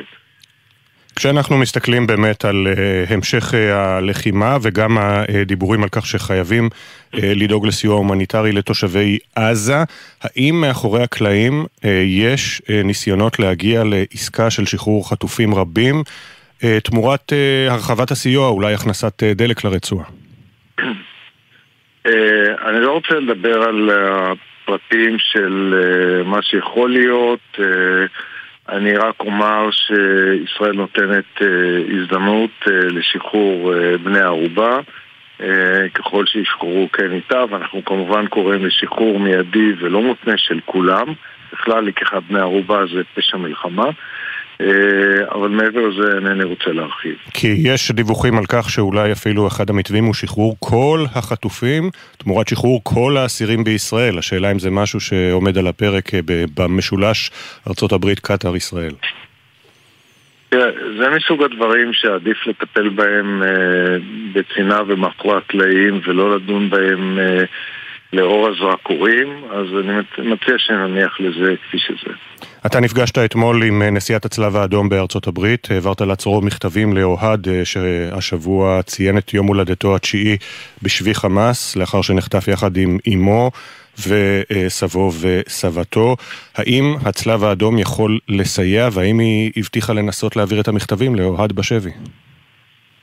אני פגשתי אותה ופגשתי את uh, הנציג של הצו האדום הבינלאומי באמריקה וקנדה, מסרתי להם אלפי מכתבים, זה באמת היה מרגש, כמות המכתבים שנכתבו לרגל uh, יום הולדת uh, הפשע של אוהד מונדר זכרי, uh, שנחטף כאמור עם אמו וסבו וסבתו.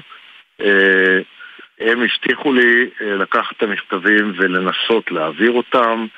אני לא יודע אם חמאס יאפשר את זה, אבל uh, הם רואים את זה כחובתם והבטיחו לעשות כל מאמץ גם לבקר את uh, החטופים וגם להעביר את המכתבים לאוהד.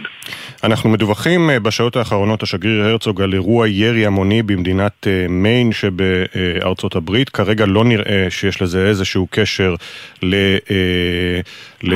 לקהילה היהודית, לאירוע אנטישמי, אבל uh, יש הרבה מאוד אירועים אנטישמיים, עלייה באנטישמיות בארצות הברית בימים האחרונים. אתמול...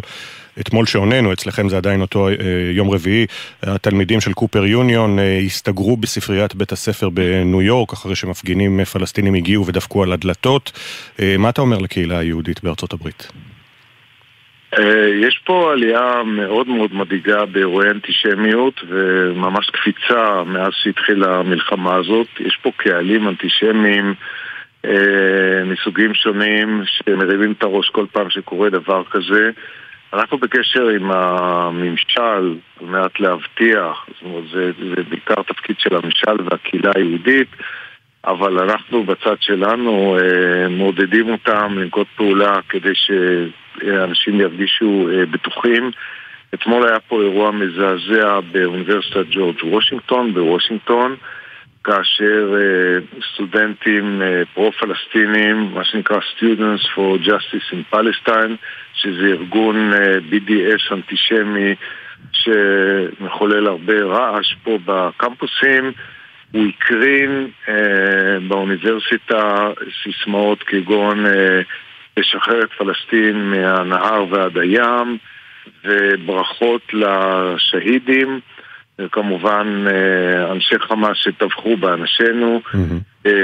זה עורר פה אה, הרבה רעש. אני כתבתי מכתב לנשיאת האוניברסיטה ודרשתי שהאוניברסיטה גם תגנה את התוכן של הדברים וגם תפתח בחקירה ותנקוט בצעדים נגד מי שעשו את הדבר הזה. זה לא ייתכן שיהיו סיסמאות כאלה בקמפוסים בארצות הברית. בהחלט. אה, שגריר ישראל בוושינגטון, מייק הרצוג, תודה רבה לך, לילה טוב לכם בוושינגטון. תודה רבה, תודה. רבים מהאזרחים הפלסטינים בעזה רוצים לברוח ממנה בימים אלה, הם לא היחידים. בגבולות הרצועה נמצאים כבר שבועיים וחצי אלפי אזרחים זרים, שמאז פרוץ הלחימה מבקשים לצאת, אבל מישהו מונע מהם לעשות זאת, וזה לא רק חמאס. הגורמים המעורבים מודעים לבעיה, עד עכשיו היא מטופלת הרחק מהכותרות בצינורות דיפלומטיים חשאיים. פרשננו אה, ג'קי חוגי, בוקר טוב. לא מפי, כן, אנחנו אמרנו בימים האחרונים שהמצב ברצועה מסובך לא רק צבאית, אז התכוונו גם לזה. בתוך הרצועה נמצאים כששת אלפים אזרחים זרים שמאוד רוצים לצאת, אבל המצרים מסרבים לפתוח להם את מעבר רפיח. מדובר על עזתים שנשואים למקומיים, או עובדי סיוע אה, של סוכנויות, או כאלה שביקרו משפחות ונתקעו, חלקם בעלי אה, דרכון כפול, פלסטיני ומערבי, אחרים מערביים אה, בלבד, אזרחים מ-35 מדינות. יש לחץ אמריקני כבד אה, לשחרר אותם, אבל המצרים מסרבים לפתוח, למרות שמבין הששת אלפים האלה יש הרבה אזרחים אמריקנים. המצרים פוחדים שאם הם יפתחו ליציאת ששת אלפים אה, בלבד והגדרות ייפרצו, יצאו מאות אלפי עקורים מהרצועה יצאו לסיני, זה הסיוט המצרי. לכן עד שהם אה, אה, יקבלו אה, מחמאס ערבויות משכנעות שהתסריט הזה לא יקרה, קריסת השערים, הם לא יפתחו. החמאס מתקשים לצאת, לתת למצרים ערבויות כאלה. מי יודע מה יקרה ברגע שהשער ייפתח ליציאת הזרים. בינתיים כל הזמן לחץ אמריקאי לשחרר אותם, הלחץ הזה נמשך. יש דאגה שהפעולה הקרקעית תתחיל והגורל שלהם ייחרץ להיות תקועים שם בתוך האש. ביידן אפילו שיגר לכאן אה, אה, שליח לטפל בבעיה, את הדיפלומט דיוויד סאטרפילד, שליחו למזרח התיכון, הוא מדלג בימים האלה בין קהיר לתל אביב, בינתיים ללא הצלחה. כל זה מן הסתם יוצר מתח ביחסים בין ארצות הברית למצרים. ישראל לכאורה לא קשורה לאירוע, אבל ישראל יכולה לתת אה, הרבה אם היא רוצה, שקט ברפיח למשל, לפרק זמן, ואז האלפים האלה יוכלו לצאת בנחת, אבל זאת תהיה מתנה לחמאס, את זה צה"ל לא רוצה לתת. ככה ארצות הברית בעצם מעורבת לא רק כבת ברית של ישראל, אלא גם כצד מעשי באירוע הזה, אזרחים שלה תקועים שם בפנים, היא אה, ומדינות אה, מערביות. אני מזכיר לך שיש למדינות האלה, נוסף לאזרחים התקועים, גם חטופים בידי חמאס. בהחלט, תודה, ג'קי חובי. תודה. עכשיו אנחנו אל אה, הדרום, אמש נותרה אה, מטח אה, נוסף לעבר יישובי הדרום, ובאילת מתגוררים בימי שגרה כ-60 אלף תושבים, על פי הערכות הגיעו אליה כ-60 אלף מפונים מיישובי הדרום. חלקם ניצולים ששרדו את הטבח ביישובי העוטף, הם ממלאים את בתי המלון, אבל החנויות והרחובות נותרים ריקים. עינב קרנר ירדה לעיר התיירות והנופש, שהפכה לעיר מקלט. עד לפני שלושה שבועות עיר הנופש הדרומית אילת הייתה מלאה בנופשים ישראלים ותיירים. אלא שבימים אלה קיבלה העיר פנים חדשות, כשהיא קולטת מדי יום מאות מפונים ומתפנים מאזורי קו האש. יותר מ-60 אלף ישראלים הגיעו לעיר, ספק כפליטים, ספק כנמלטים, אבל האווירה מדוכדכת ועצובה. פגשנו את ליז מאשקלון. אנשים פה מקסימים, מתייחסים אלינו מה זה יפה, ממש הרגשה טובה ונעימה, אבל רואים שיש מתח באוויר, זה לא נופש של יולי ואוגוסט. ממש עצב, עצב, עצוב לנו. לובי המלונות מלא במפונים, אבל גם שם האווירה לא כתמול שלשום.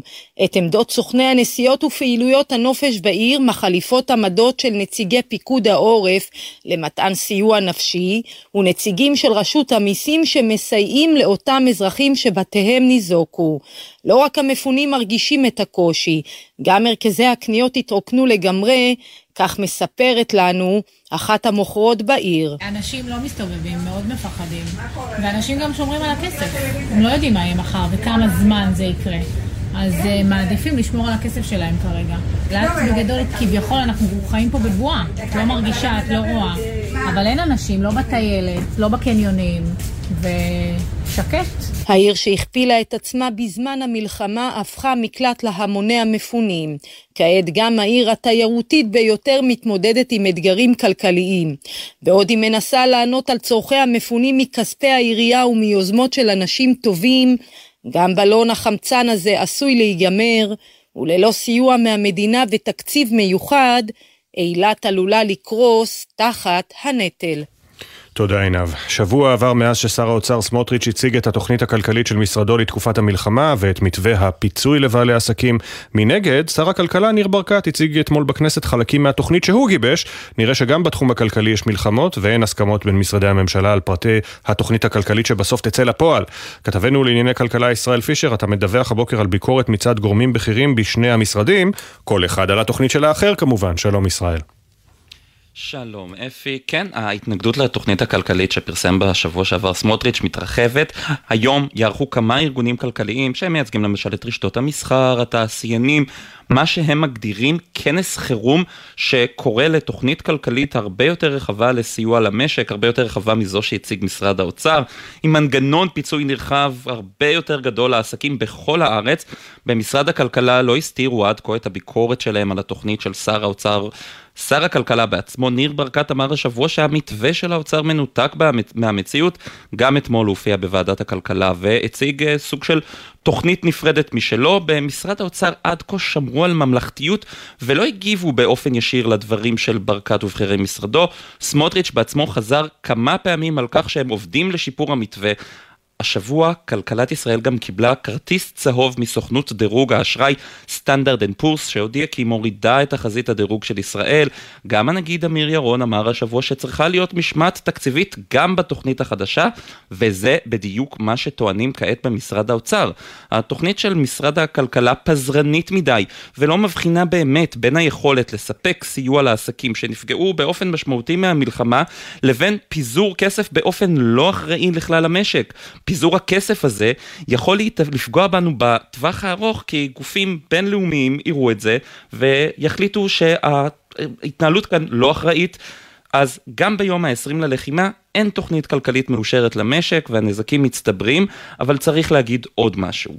על אף הביקורת על התוכנית הכלכלית של האוצר, והיא רבה, שר האוצר סמוטריץ' לא חושש להתייצב מול המצלמות ולהשיב על שאלות של עיתונאים, ולהודות גם בטעויות שנעשו בתחום הכלכלי, כדי שניתן יהיה לטייב את התוכנית לדבריו, וגם זה משהו שהמשק זקוק לו עכשיו. תודה, ישראל פישר, כתבנו לענייני כלכלה, ובהמשך יהיה איתנו גם אה, מנכ"ל משרד הכלכלה. עכשיו, 7.32 ועוד חצי דקה הכותרות. היום ה-20 למלחמה, צה"ל ביצע הלילה פשיטה קרקעית של כוחות חי"ר ושריון בתוך שטח הרצועה. הפשיטה הייתה בהיקף נרחב ובעומק גדול יותר בתוך עזה, ומטרתה לתקוף מטרות חמאס מתוך הרצועה ולחזק את ההגנה.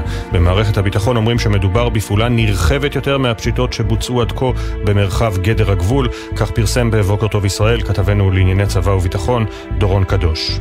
המגעים לשחרור 220 החטופים, שגריר ישראל בארצות הברית מייק הרצוג אומר לבוקר טוב ישראל, יש להשאיר את הניסיונות חשאיים. ישראל נותנת אה, הזדמנות אה, לשחרור אה, בני ערובה, ככל שישחררו כן איתה, ואנחנו כמובן קוראים לשחרור מיידי ולא מותנה של כולם. זה מסוג הדברים שעדיף לטפל בהם בצנעה ומאחורי הקלעים. אחרי ששר החוץ אלי כהן אמר שלשום באו"ם שקטאר מממנת את חמאס ומספקת הגנה לבחיריו, אומר בתגובה הלילה ראש ממשלת קטאר מוחמד בן עבד אל-רחמן עת'אני, ההצהרות המתגרות הללו עלולות להשפיע על המגעים שמתנהלים לשחרור החטופים. ראש ממשלת קטאר הוסיף כי תקוותו היא שכל הצדדים יכבדו את המאמצים של קטאר ושותפיה בסוגיית החטופים והשבויים. עדכון תנועה אחד לנהגים מגלגלצ, איילון דרומה, עמוס ממחלף קק"ל עד מחלף רוקח בגלל תאונת דרכים. מזג האוויר תחול עלייה קלה נוספת בטמפרטורות ויעשה חם מהרגיל עד שרבי ברוב אזורי הארץ. נצא להפסקה של דקה וחצי בלבד, ואחריה סיפור הגבורה של לוחם כיתת הכוננות שנפל בקרב על בארי. בוקר טוב ישראל, מיד חוזרים.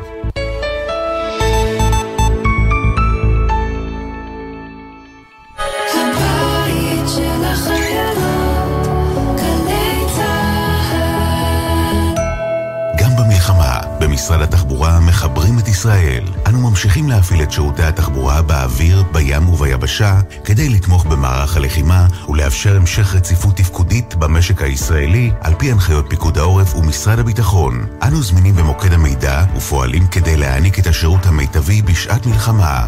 כמו בבית, גם בדרכים נשמעים להנחיות פיקוד העורף. נעבור את הדרך הזאת יחד. מידע באתר משרד התחבורה והבטיחות בדרכים ובטלפון כוכבית 4515. יחד ננצח. בעקבות המצב הביטחוני במדינת ישראל, אנשי משרד החינוך מלווים את משפחות הנפגעים והמפונים, ונותנים מענה רגשי, חברתי וחינוכי לילדים ולבני הנוער. אנשי השירות הפסיכולוגי-ייעוצי של משרד החינוך נותנים מענה במגוון נושאים לצוותי החינוך, לתלמידים ולהורים.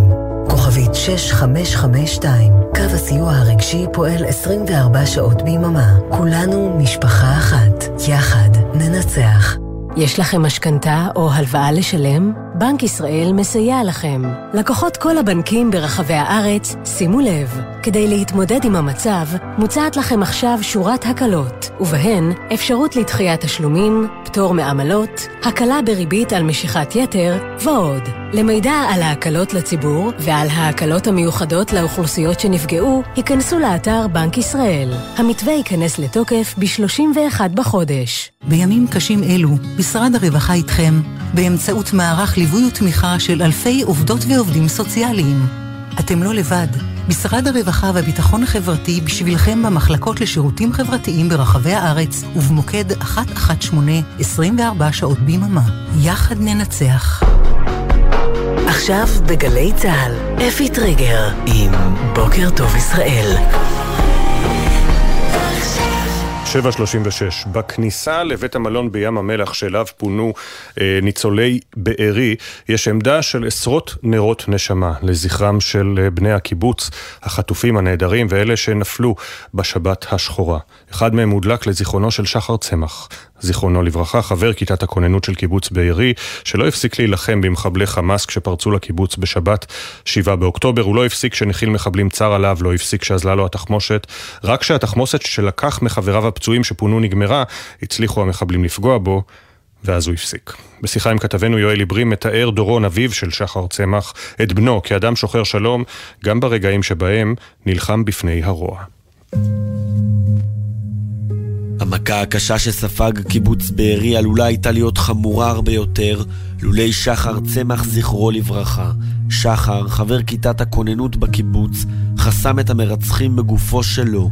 בשיחה שלנו עם אביו, דורון, נחשפת גבורתו של חבר הקיבוץ שנאבק במחבלים עד טיפת דמו האחרונה.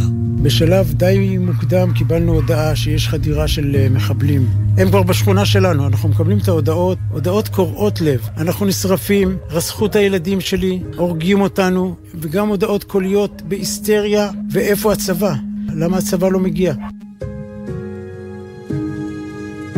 כוחות הביטחון שהתמהמהו להגיע לקיבוץ הותירו את חברי כיתת הכוננות ביניהם שחר נלחמים בעוז כמעט בלי סיכויים מול עשרות רבות של מחבלים. על הדקה הראשונה בן שלי שחר אה, נקרא לכיתת הכוננות, לובש את המדים, לוקח את הנשק ואת כל הציוד, הוא פורץ את הדלת של מרפאת השיניים ונכנס פנימה משבע בבוקר עד שתיים אחר הצהריים שחר ואיתן נלחמים שם, בשלב מסוים נגמרה להם התחמושת.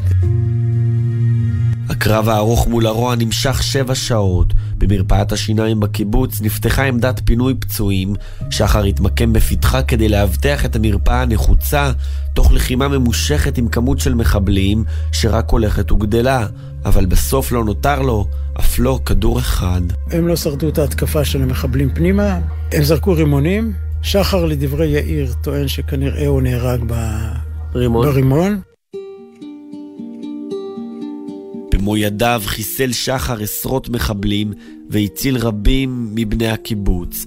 אבא שלו מספר לנו על אישיותו הכבירה. שחר זה אחד שהיה תמיד במרכז העניינים. שחר אהב את הארץ. אין לדעתי מטר מרובע בישראל שלא ספג מהזיעה שלו. שחר היה אדם שוחר שלום. אני אומר, גם כשהוא מת עם ה-M16 ביד, ביד השנייה שלו היה הלשת זית. משפחת צמח איבדה את בנה האהוב, שהותיר אישה ושני ילדים, לצד עשרות חברים קרובים שנרצחו באותה שבת שחורה. חורבן שממנו, כך מאמין דורון צמח, כולם יקומו. אנחנו כואבים, אנחנו בוכים, אנחנו מתאבלים, אבל אנחנו לא, אנחנו לא שבורים. החיים נמשכים, יש לנו כל כך הרבה סיבות להמשיך את החיים. יש לנו שני נכדים משחר מדהימים. ושחר הולך לצידי כל הזמן. הוא לא הולך לפניי ומתווה לי את הדרך. אני מתווה את הדרך. אנחנו כולנו החלטנו שאנחנו ממשיכים לחיות.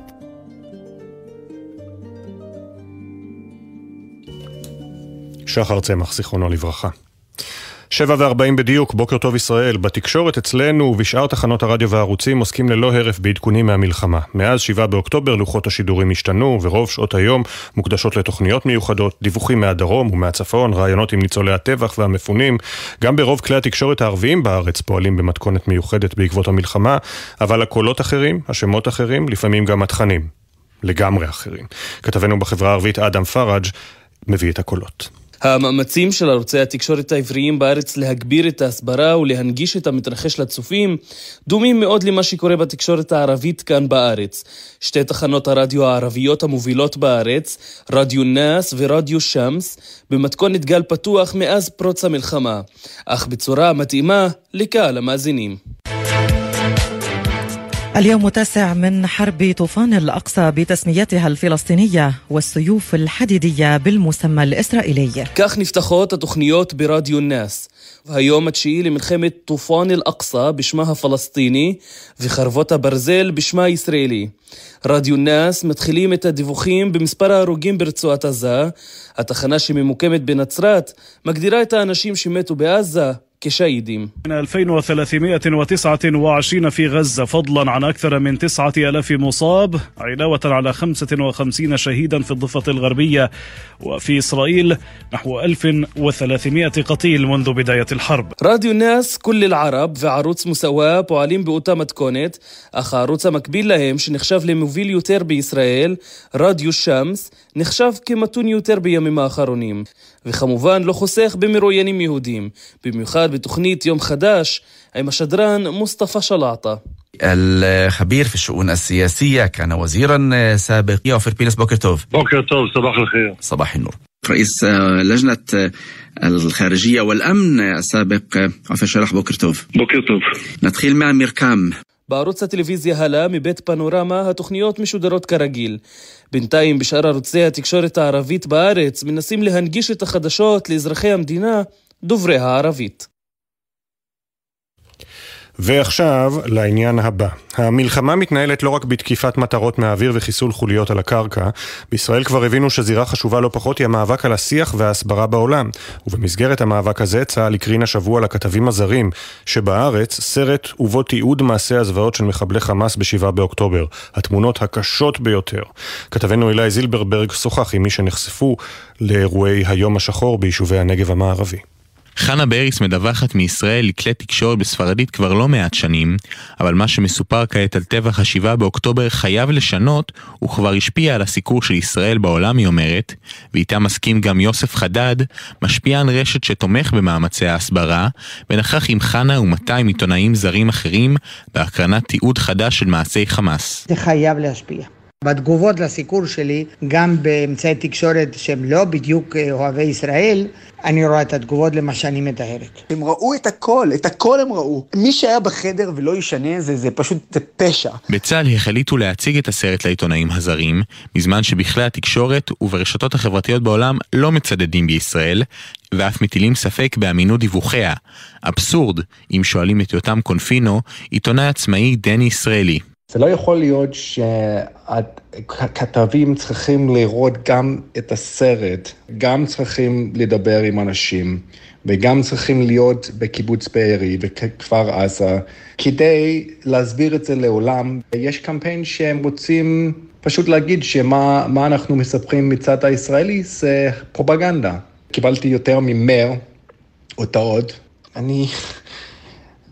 אני ציונית ואני ישראלי, אז זה לא יכול לסמוך עליי. ולמרות זאת, את המראות הקשים שראו, העיתונאים לא יכולים לפרסם, לפחות בינתיים. לדעת חנה ויוסף, כדי לחזק את ישראל בשדה הקרב ההסברתי, חייבים לשחרר את הסרט לעולם. אם אנחנו אה, מזדעקים ומתרעמים על זה שטוענים שישראל משקרת, מסלפת, ממציאה, אז למה אנחנו לא מראים את הזוועות? אני גם מתחנן לדובר צה"ל, אני מתחנן למדינת ישראל, תדברו עם המשפחות, תנסו לבקש אישור מהם. העולם חייב לראות את זה, העולם חייב להזדעזע, כי בשורה התחתונה, המלחמה המבצעית תלויה מאוד במלחמת ההסברה.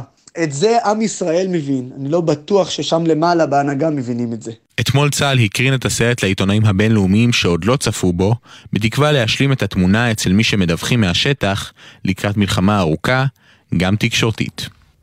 רבע לשמונה בדיוק, מאז פרוץ המלחמה, העורף הישראלי התייצב גם בלי צו שמונה. פסיכולוגים, אנשי חינוך, נהגים, משפיעני רשת, מתנדבים בסיוע למפונים מהעוטף, למאמץ ההסברה ולגיוס תרומות. הכל חינם אין כסף. ברשתות השיווק, לעומת זאת, בחרו להפנות עורף לעורף, וניצלו את ההזדמנות להעלות מחירים. כתבתנו לענייני צרכנות עינב קרנר חוזרים אלייך עם הפרטים המקוממים. שלום עינב. שלום אפי ובוקר טוב, ברשתות השיווק העלו את המחירים בשלושה אחוזים ביחס לבדיקה האחרונה לפני חודשיים וביותר מחמישה אחוזים וחצי מהממוצע לפני שנה, כך עולה מבדיקת המועצה לצרכנות לסל החודשי שכולל כאלף מוצרים. עליות בולטות נרשמו בירקות ופירות קפואים שזינקו בשלושה עשר אחוז בממוצע בהשוואה לבדיקה לפני חודשיים, ירקות טריים עלו בשבעה אחוזים, ומוצרי קוקה קולה רשמו עלייה של 4%. הפער בין הרשת הזולה רמי לוי ליקרה ביותר מגה בעיר עומד על 16%, וברשת חצי חינם נרשמה העלייה הגבוהה ביותר של יותר משישה אחוזים, אחריה ביתן מרקט בסיטי ויוחננוף שהעלו את המחירים בארבעה אחוזים ושלוש עשיריות ובארבעה אחוזים בהתאמה, לעומתן בסטופ מרקט ובטיב טעם נרשמה ירידה מתונה של בין חצי אחוז לשבע עשיריות האחוז. הנושא של עליית מחירי המזון אפי כבר הגיע לשולחן ועדת הכלכלה כאשר משרד הכלכלה שוקל צו הקפאת מחירים לרמתם לפני המלחמה, אבל בינתיים אין מהלכים אה, בנושא. מהמועצה לצרכנות מסרו בימים האלה, בהם הציבור מתמודד עם קשיים נפשיים, כלכליים ואחרים, מצופה מרשתות השיווק שלא לנצל את המצב ולהיכנס אה, מתחת לאלונקה. גם אנחנו ביצענו בדיקות מדגמיות אה, וראינו את עליות המחירים דווקא על מוצרים חיוניים כמו מים, נייר טואלט, פסטה ושמן, אבל כעת אפי יש עוד חותמת לאותה בדיקה, בדיקה רחבה של יותר מאלף מוצרים. תודה עינב, והנה מצטרף אלינו מנכ"ל משרד הכלכלה אמנון מרחב, שלום לך, בוקר טוב. שלום אפי ולמאזינים. עוד מעט נדבר על התוכנית הכלכלית שגיבשתם תחת השר אה, ניר ברקת, אה, תוכנית אה, שונה מהתוכנית של משרד האוצר, אבל לפני כן באמת הדברים שסיפרה עינב על העלאות מחירים, האם האפשרות לצו הקפאת מחירים עדיין בתוקף? אנחנו הבוקר נפרסם להתייחסות הציבור חקיקת חירום שקובעת שכל עוסק שיעלה מחיר וינצל את מצב החירום כדי לגבות מחירים מופקעים, ייכנס בקנס מינהלי שהמינימום שלו יהיה 30 אלף שקל, וזה יכול להגיע גם עד 60 אלף שקל על כל אירוע כזה של הפקעת מחירים. אני מאמין שביום ראשון הוא יאושר בוועדת השרים לחקיקה, ואנחנו נבצע אכיפה מאוד מאוד אה, אה, משמעותית, עם אפס גמישות נגד כל מי שינסה לנצל את מצב החירום ולגבות מחירים לא הוגנים. יפה. אז בואו נעבור באמת אל הסיוע לבעלי העסקים, אה, לא רק בעוטף אלא בכלל בימים קשים כאלה של המלחמה. יש תוכנית של משרד האוצר של השר סמוטריץ', אחר כך מציג השר שלך, השר אה, ניר ברקת, תוכנית משלו. אה, השר ברקת הוא לא פרשן באולפנים, הוא חלק מהממשלה הזאת, מה פתאום הוא מגבש תוכנית משלו? למה לא מגיעים לסיכום, להסכמה עם משרד האוצר? הציבור מבולבל. כן, קודם כל, אה, אנחנו נמצאים במצב מלחמה. יש לנו שתי מלחמות או שתי, שני קרבות לנהל. את הקרב הצבאי, ואנחנו ננצח בו, אני בטוח. יש לנו קרב שהוא הקרב הכלכלי. ואם הלוחמים שנמצאים עכשיו בחזית, אנשי העסקים, העצמאים, יהיו מוטרדים מהיום שאחרי המלחמה, שאין להם לאן לחזור, שהעסקים שלהם לא ישרדו, שהפרנסה שלהם לא תתקיים, אז אנחנו נפסיד במלחמה נגד החמאס. ולכן, מה שמדריך אותנו במשרד הכלכלה, ואני מזכיר לכולם, זה התפקיד שלנו לדאוג לכלכלת ישראל. אבל התפקיד של משרד האוצר אותנו... לתת את הפיצויים, משרד האוצר הוא זה ששולט בקופה. זה נכון, ולכן אה, מה שאנחנו עשינו, ישבנו גם עם אנשי האוצר, אבל ישבנו עם כל הגורמים הגדולים במשק, כל ראשי הארגונים העסקיים וגם שני ראשי ארגוני העובדים הגדולים, גם ההסתדרות הכללית וגם ההסתדרות הלאומית, וגיבשנו ביחד איתם מתווה שהוא מתווה נכון, שהוא עונה לאתגרים של העסקים, כי אחרת, אם המתווה שנציג כממשלה לא יענה לאתגרים שלהם, אז איך אומרים, החולה, הניתוח יצליח אבל החולה ימות והדבר האחרון שאנחנו צריכים זה שהכלכלה פה תקרוס. לכן... אבל הדבר האחרון שבעלי עסקים צריכים זה שהם לא יודעים למי להקשיב. שר האוצר, שר הכלכלה, אתם מתווכחים, בין, אה, מתווכחים ביניהם אה, השרים אה, בממשלה ואין בינתיים תוכנית. הם יודעים לגמרי. אגב, אני אדייק אותך, הם יודעים לגמרי. הם חתמו כולם, כולם, כולם על המתווה של שר ברקת ושל משרד הכלכלה. עכשיו, תקשיב, יש פה קולקטיב וויזדם של העולם העסקי. אנחנו באנו, השר ברקת, משרד הכלכלה, התפיסת עולם, ה-DNA הוא, הוא תפיסת עולם עסקית נכונה, שבשעת משבר היא עוד יותר חשובה, כי חשוב לגבש בשעת משבר קואליציה רחבה. אין בעניין הזה קואליציה, אופוזיציה, ואגב, זה מה שהיה בוועדת הכספים. אתה ראית את כולם מקצה לקצה, כולל חברי הכנסת, מצטרפים מתחת למתווה שאנחנו הצגנו. אז צא ולמד שיש פה מתווה נכון, צריך היום, עכשיו, עוד שעתיים, לכנס את קבינט הכלכלי-חברתי, לאשר אותו ולהביא אותו לחקיקה. אולי ירצה משרד האוצר לתקן טיפה ימינה, שמאלה, זה בסדר, אבל חייבים לאשר את המתווה הזה. ומיד לתת את החמצן שהעסקים... גורמים בכירים במשרד האוצר אמרו לכתבנו הכלכלי ישראל פישר שהמתווה שלכם הוא לא אחראי וממש לא נכון למשק, שמה שגיבשתם. תראה, אני ראיתי אתמול את שר האוצר אה, בטלוויזיה מתראיין, הוא אמר שכלכלת ישראל היא כלכלה חזקה, שיש לנו מקורות כדי לצלוח את המלחמה הזו מבלי לפגוע ברייטינג של מדינת ישראל. יש מודל אה, ידוע כלכלי, המודל הקיינסיאני, שאומר שבשעת משבר חובה למדינה להשקיע במשק ולהוציא כספים כדי לתמוך בכלכלה. אז אני לא יודע מי אלה הגורמים שאתה מצטט במשרד האוצר. אני מופיע בקולי, השר ברקת בוודאי מופיע, אומר את האמת המקצועית שלנו, שהיא כמובן זוכה לקונסנזוס רחב, אז אה, אם כולם אומרים, סימן שזה נכון. אמנון מרחב, מנכ"ל משרד הכלכלה והתעשייה, תודה רבה לך. תודה גם לך.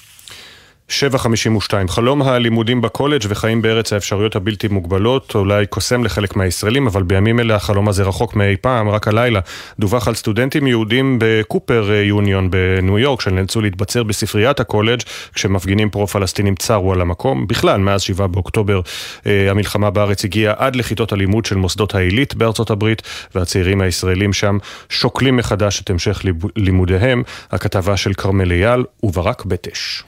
הסכסוך הישראלי-פלסטיני הוא כבר מזמן לא רק נושא שלומדים עליו בשיעורים בחו"ל. הוא הפך להיות בלית ברירה נושא השיחה הכי מפלג בכיתות הלימוד, כזה שגם מגיע לעיתים לאלימות פיזית. המחאות בין תומכי ישראל לבין כאלה התומכים בחמאס רק מתגברות, והתלמידים הישראלים באוניברסיטאות העילית בארצות הברית מסרפרים לבוקר טוב ישראל על המתח ששורר בקמפוסים מאז החלה המלחמה. יש כאן אווירה מאוד מאוד מפחידה וכאילו עם הרבה לחץ. זה אפילו לא סטודנטים פלסטינאים, זה ממש סטודנטים אמריקאים שחושבים שהם חייבים להתערב בזה. אמ, אז הם עשו הפגנה מאוד מאוד גדולה לפני שבוע וחצי. צעקו כזה, you know, from the river to the sea, ו-resistance is justified, שהיו להם מלא סטודנטים, מלא אנשים שהביאו. כך מספרת לנו אן מזרחי, שלומדת באוניברסיטת קולומביה, ובאוניברסיטת הרווארד, שתגובתם למתקפה הרצחנית של חמאס הייתה רפה בלשון המעטה.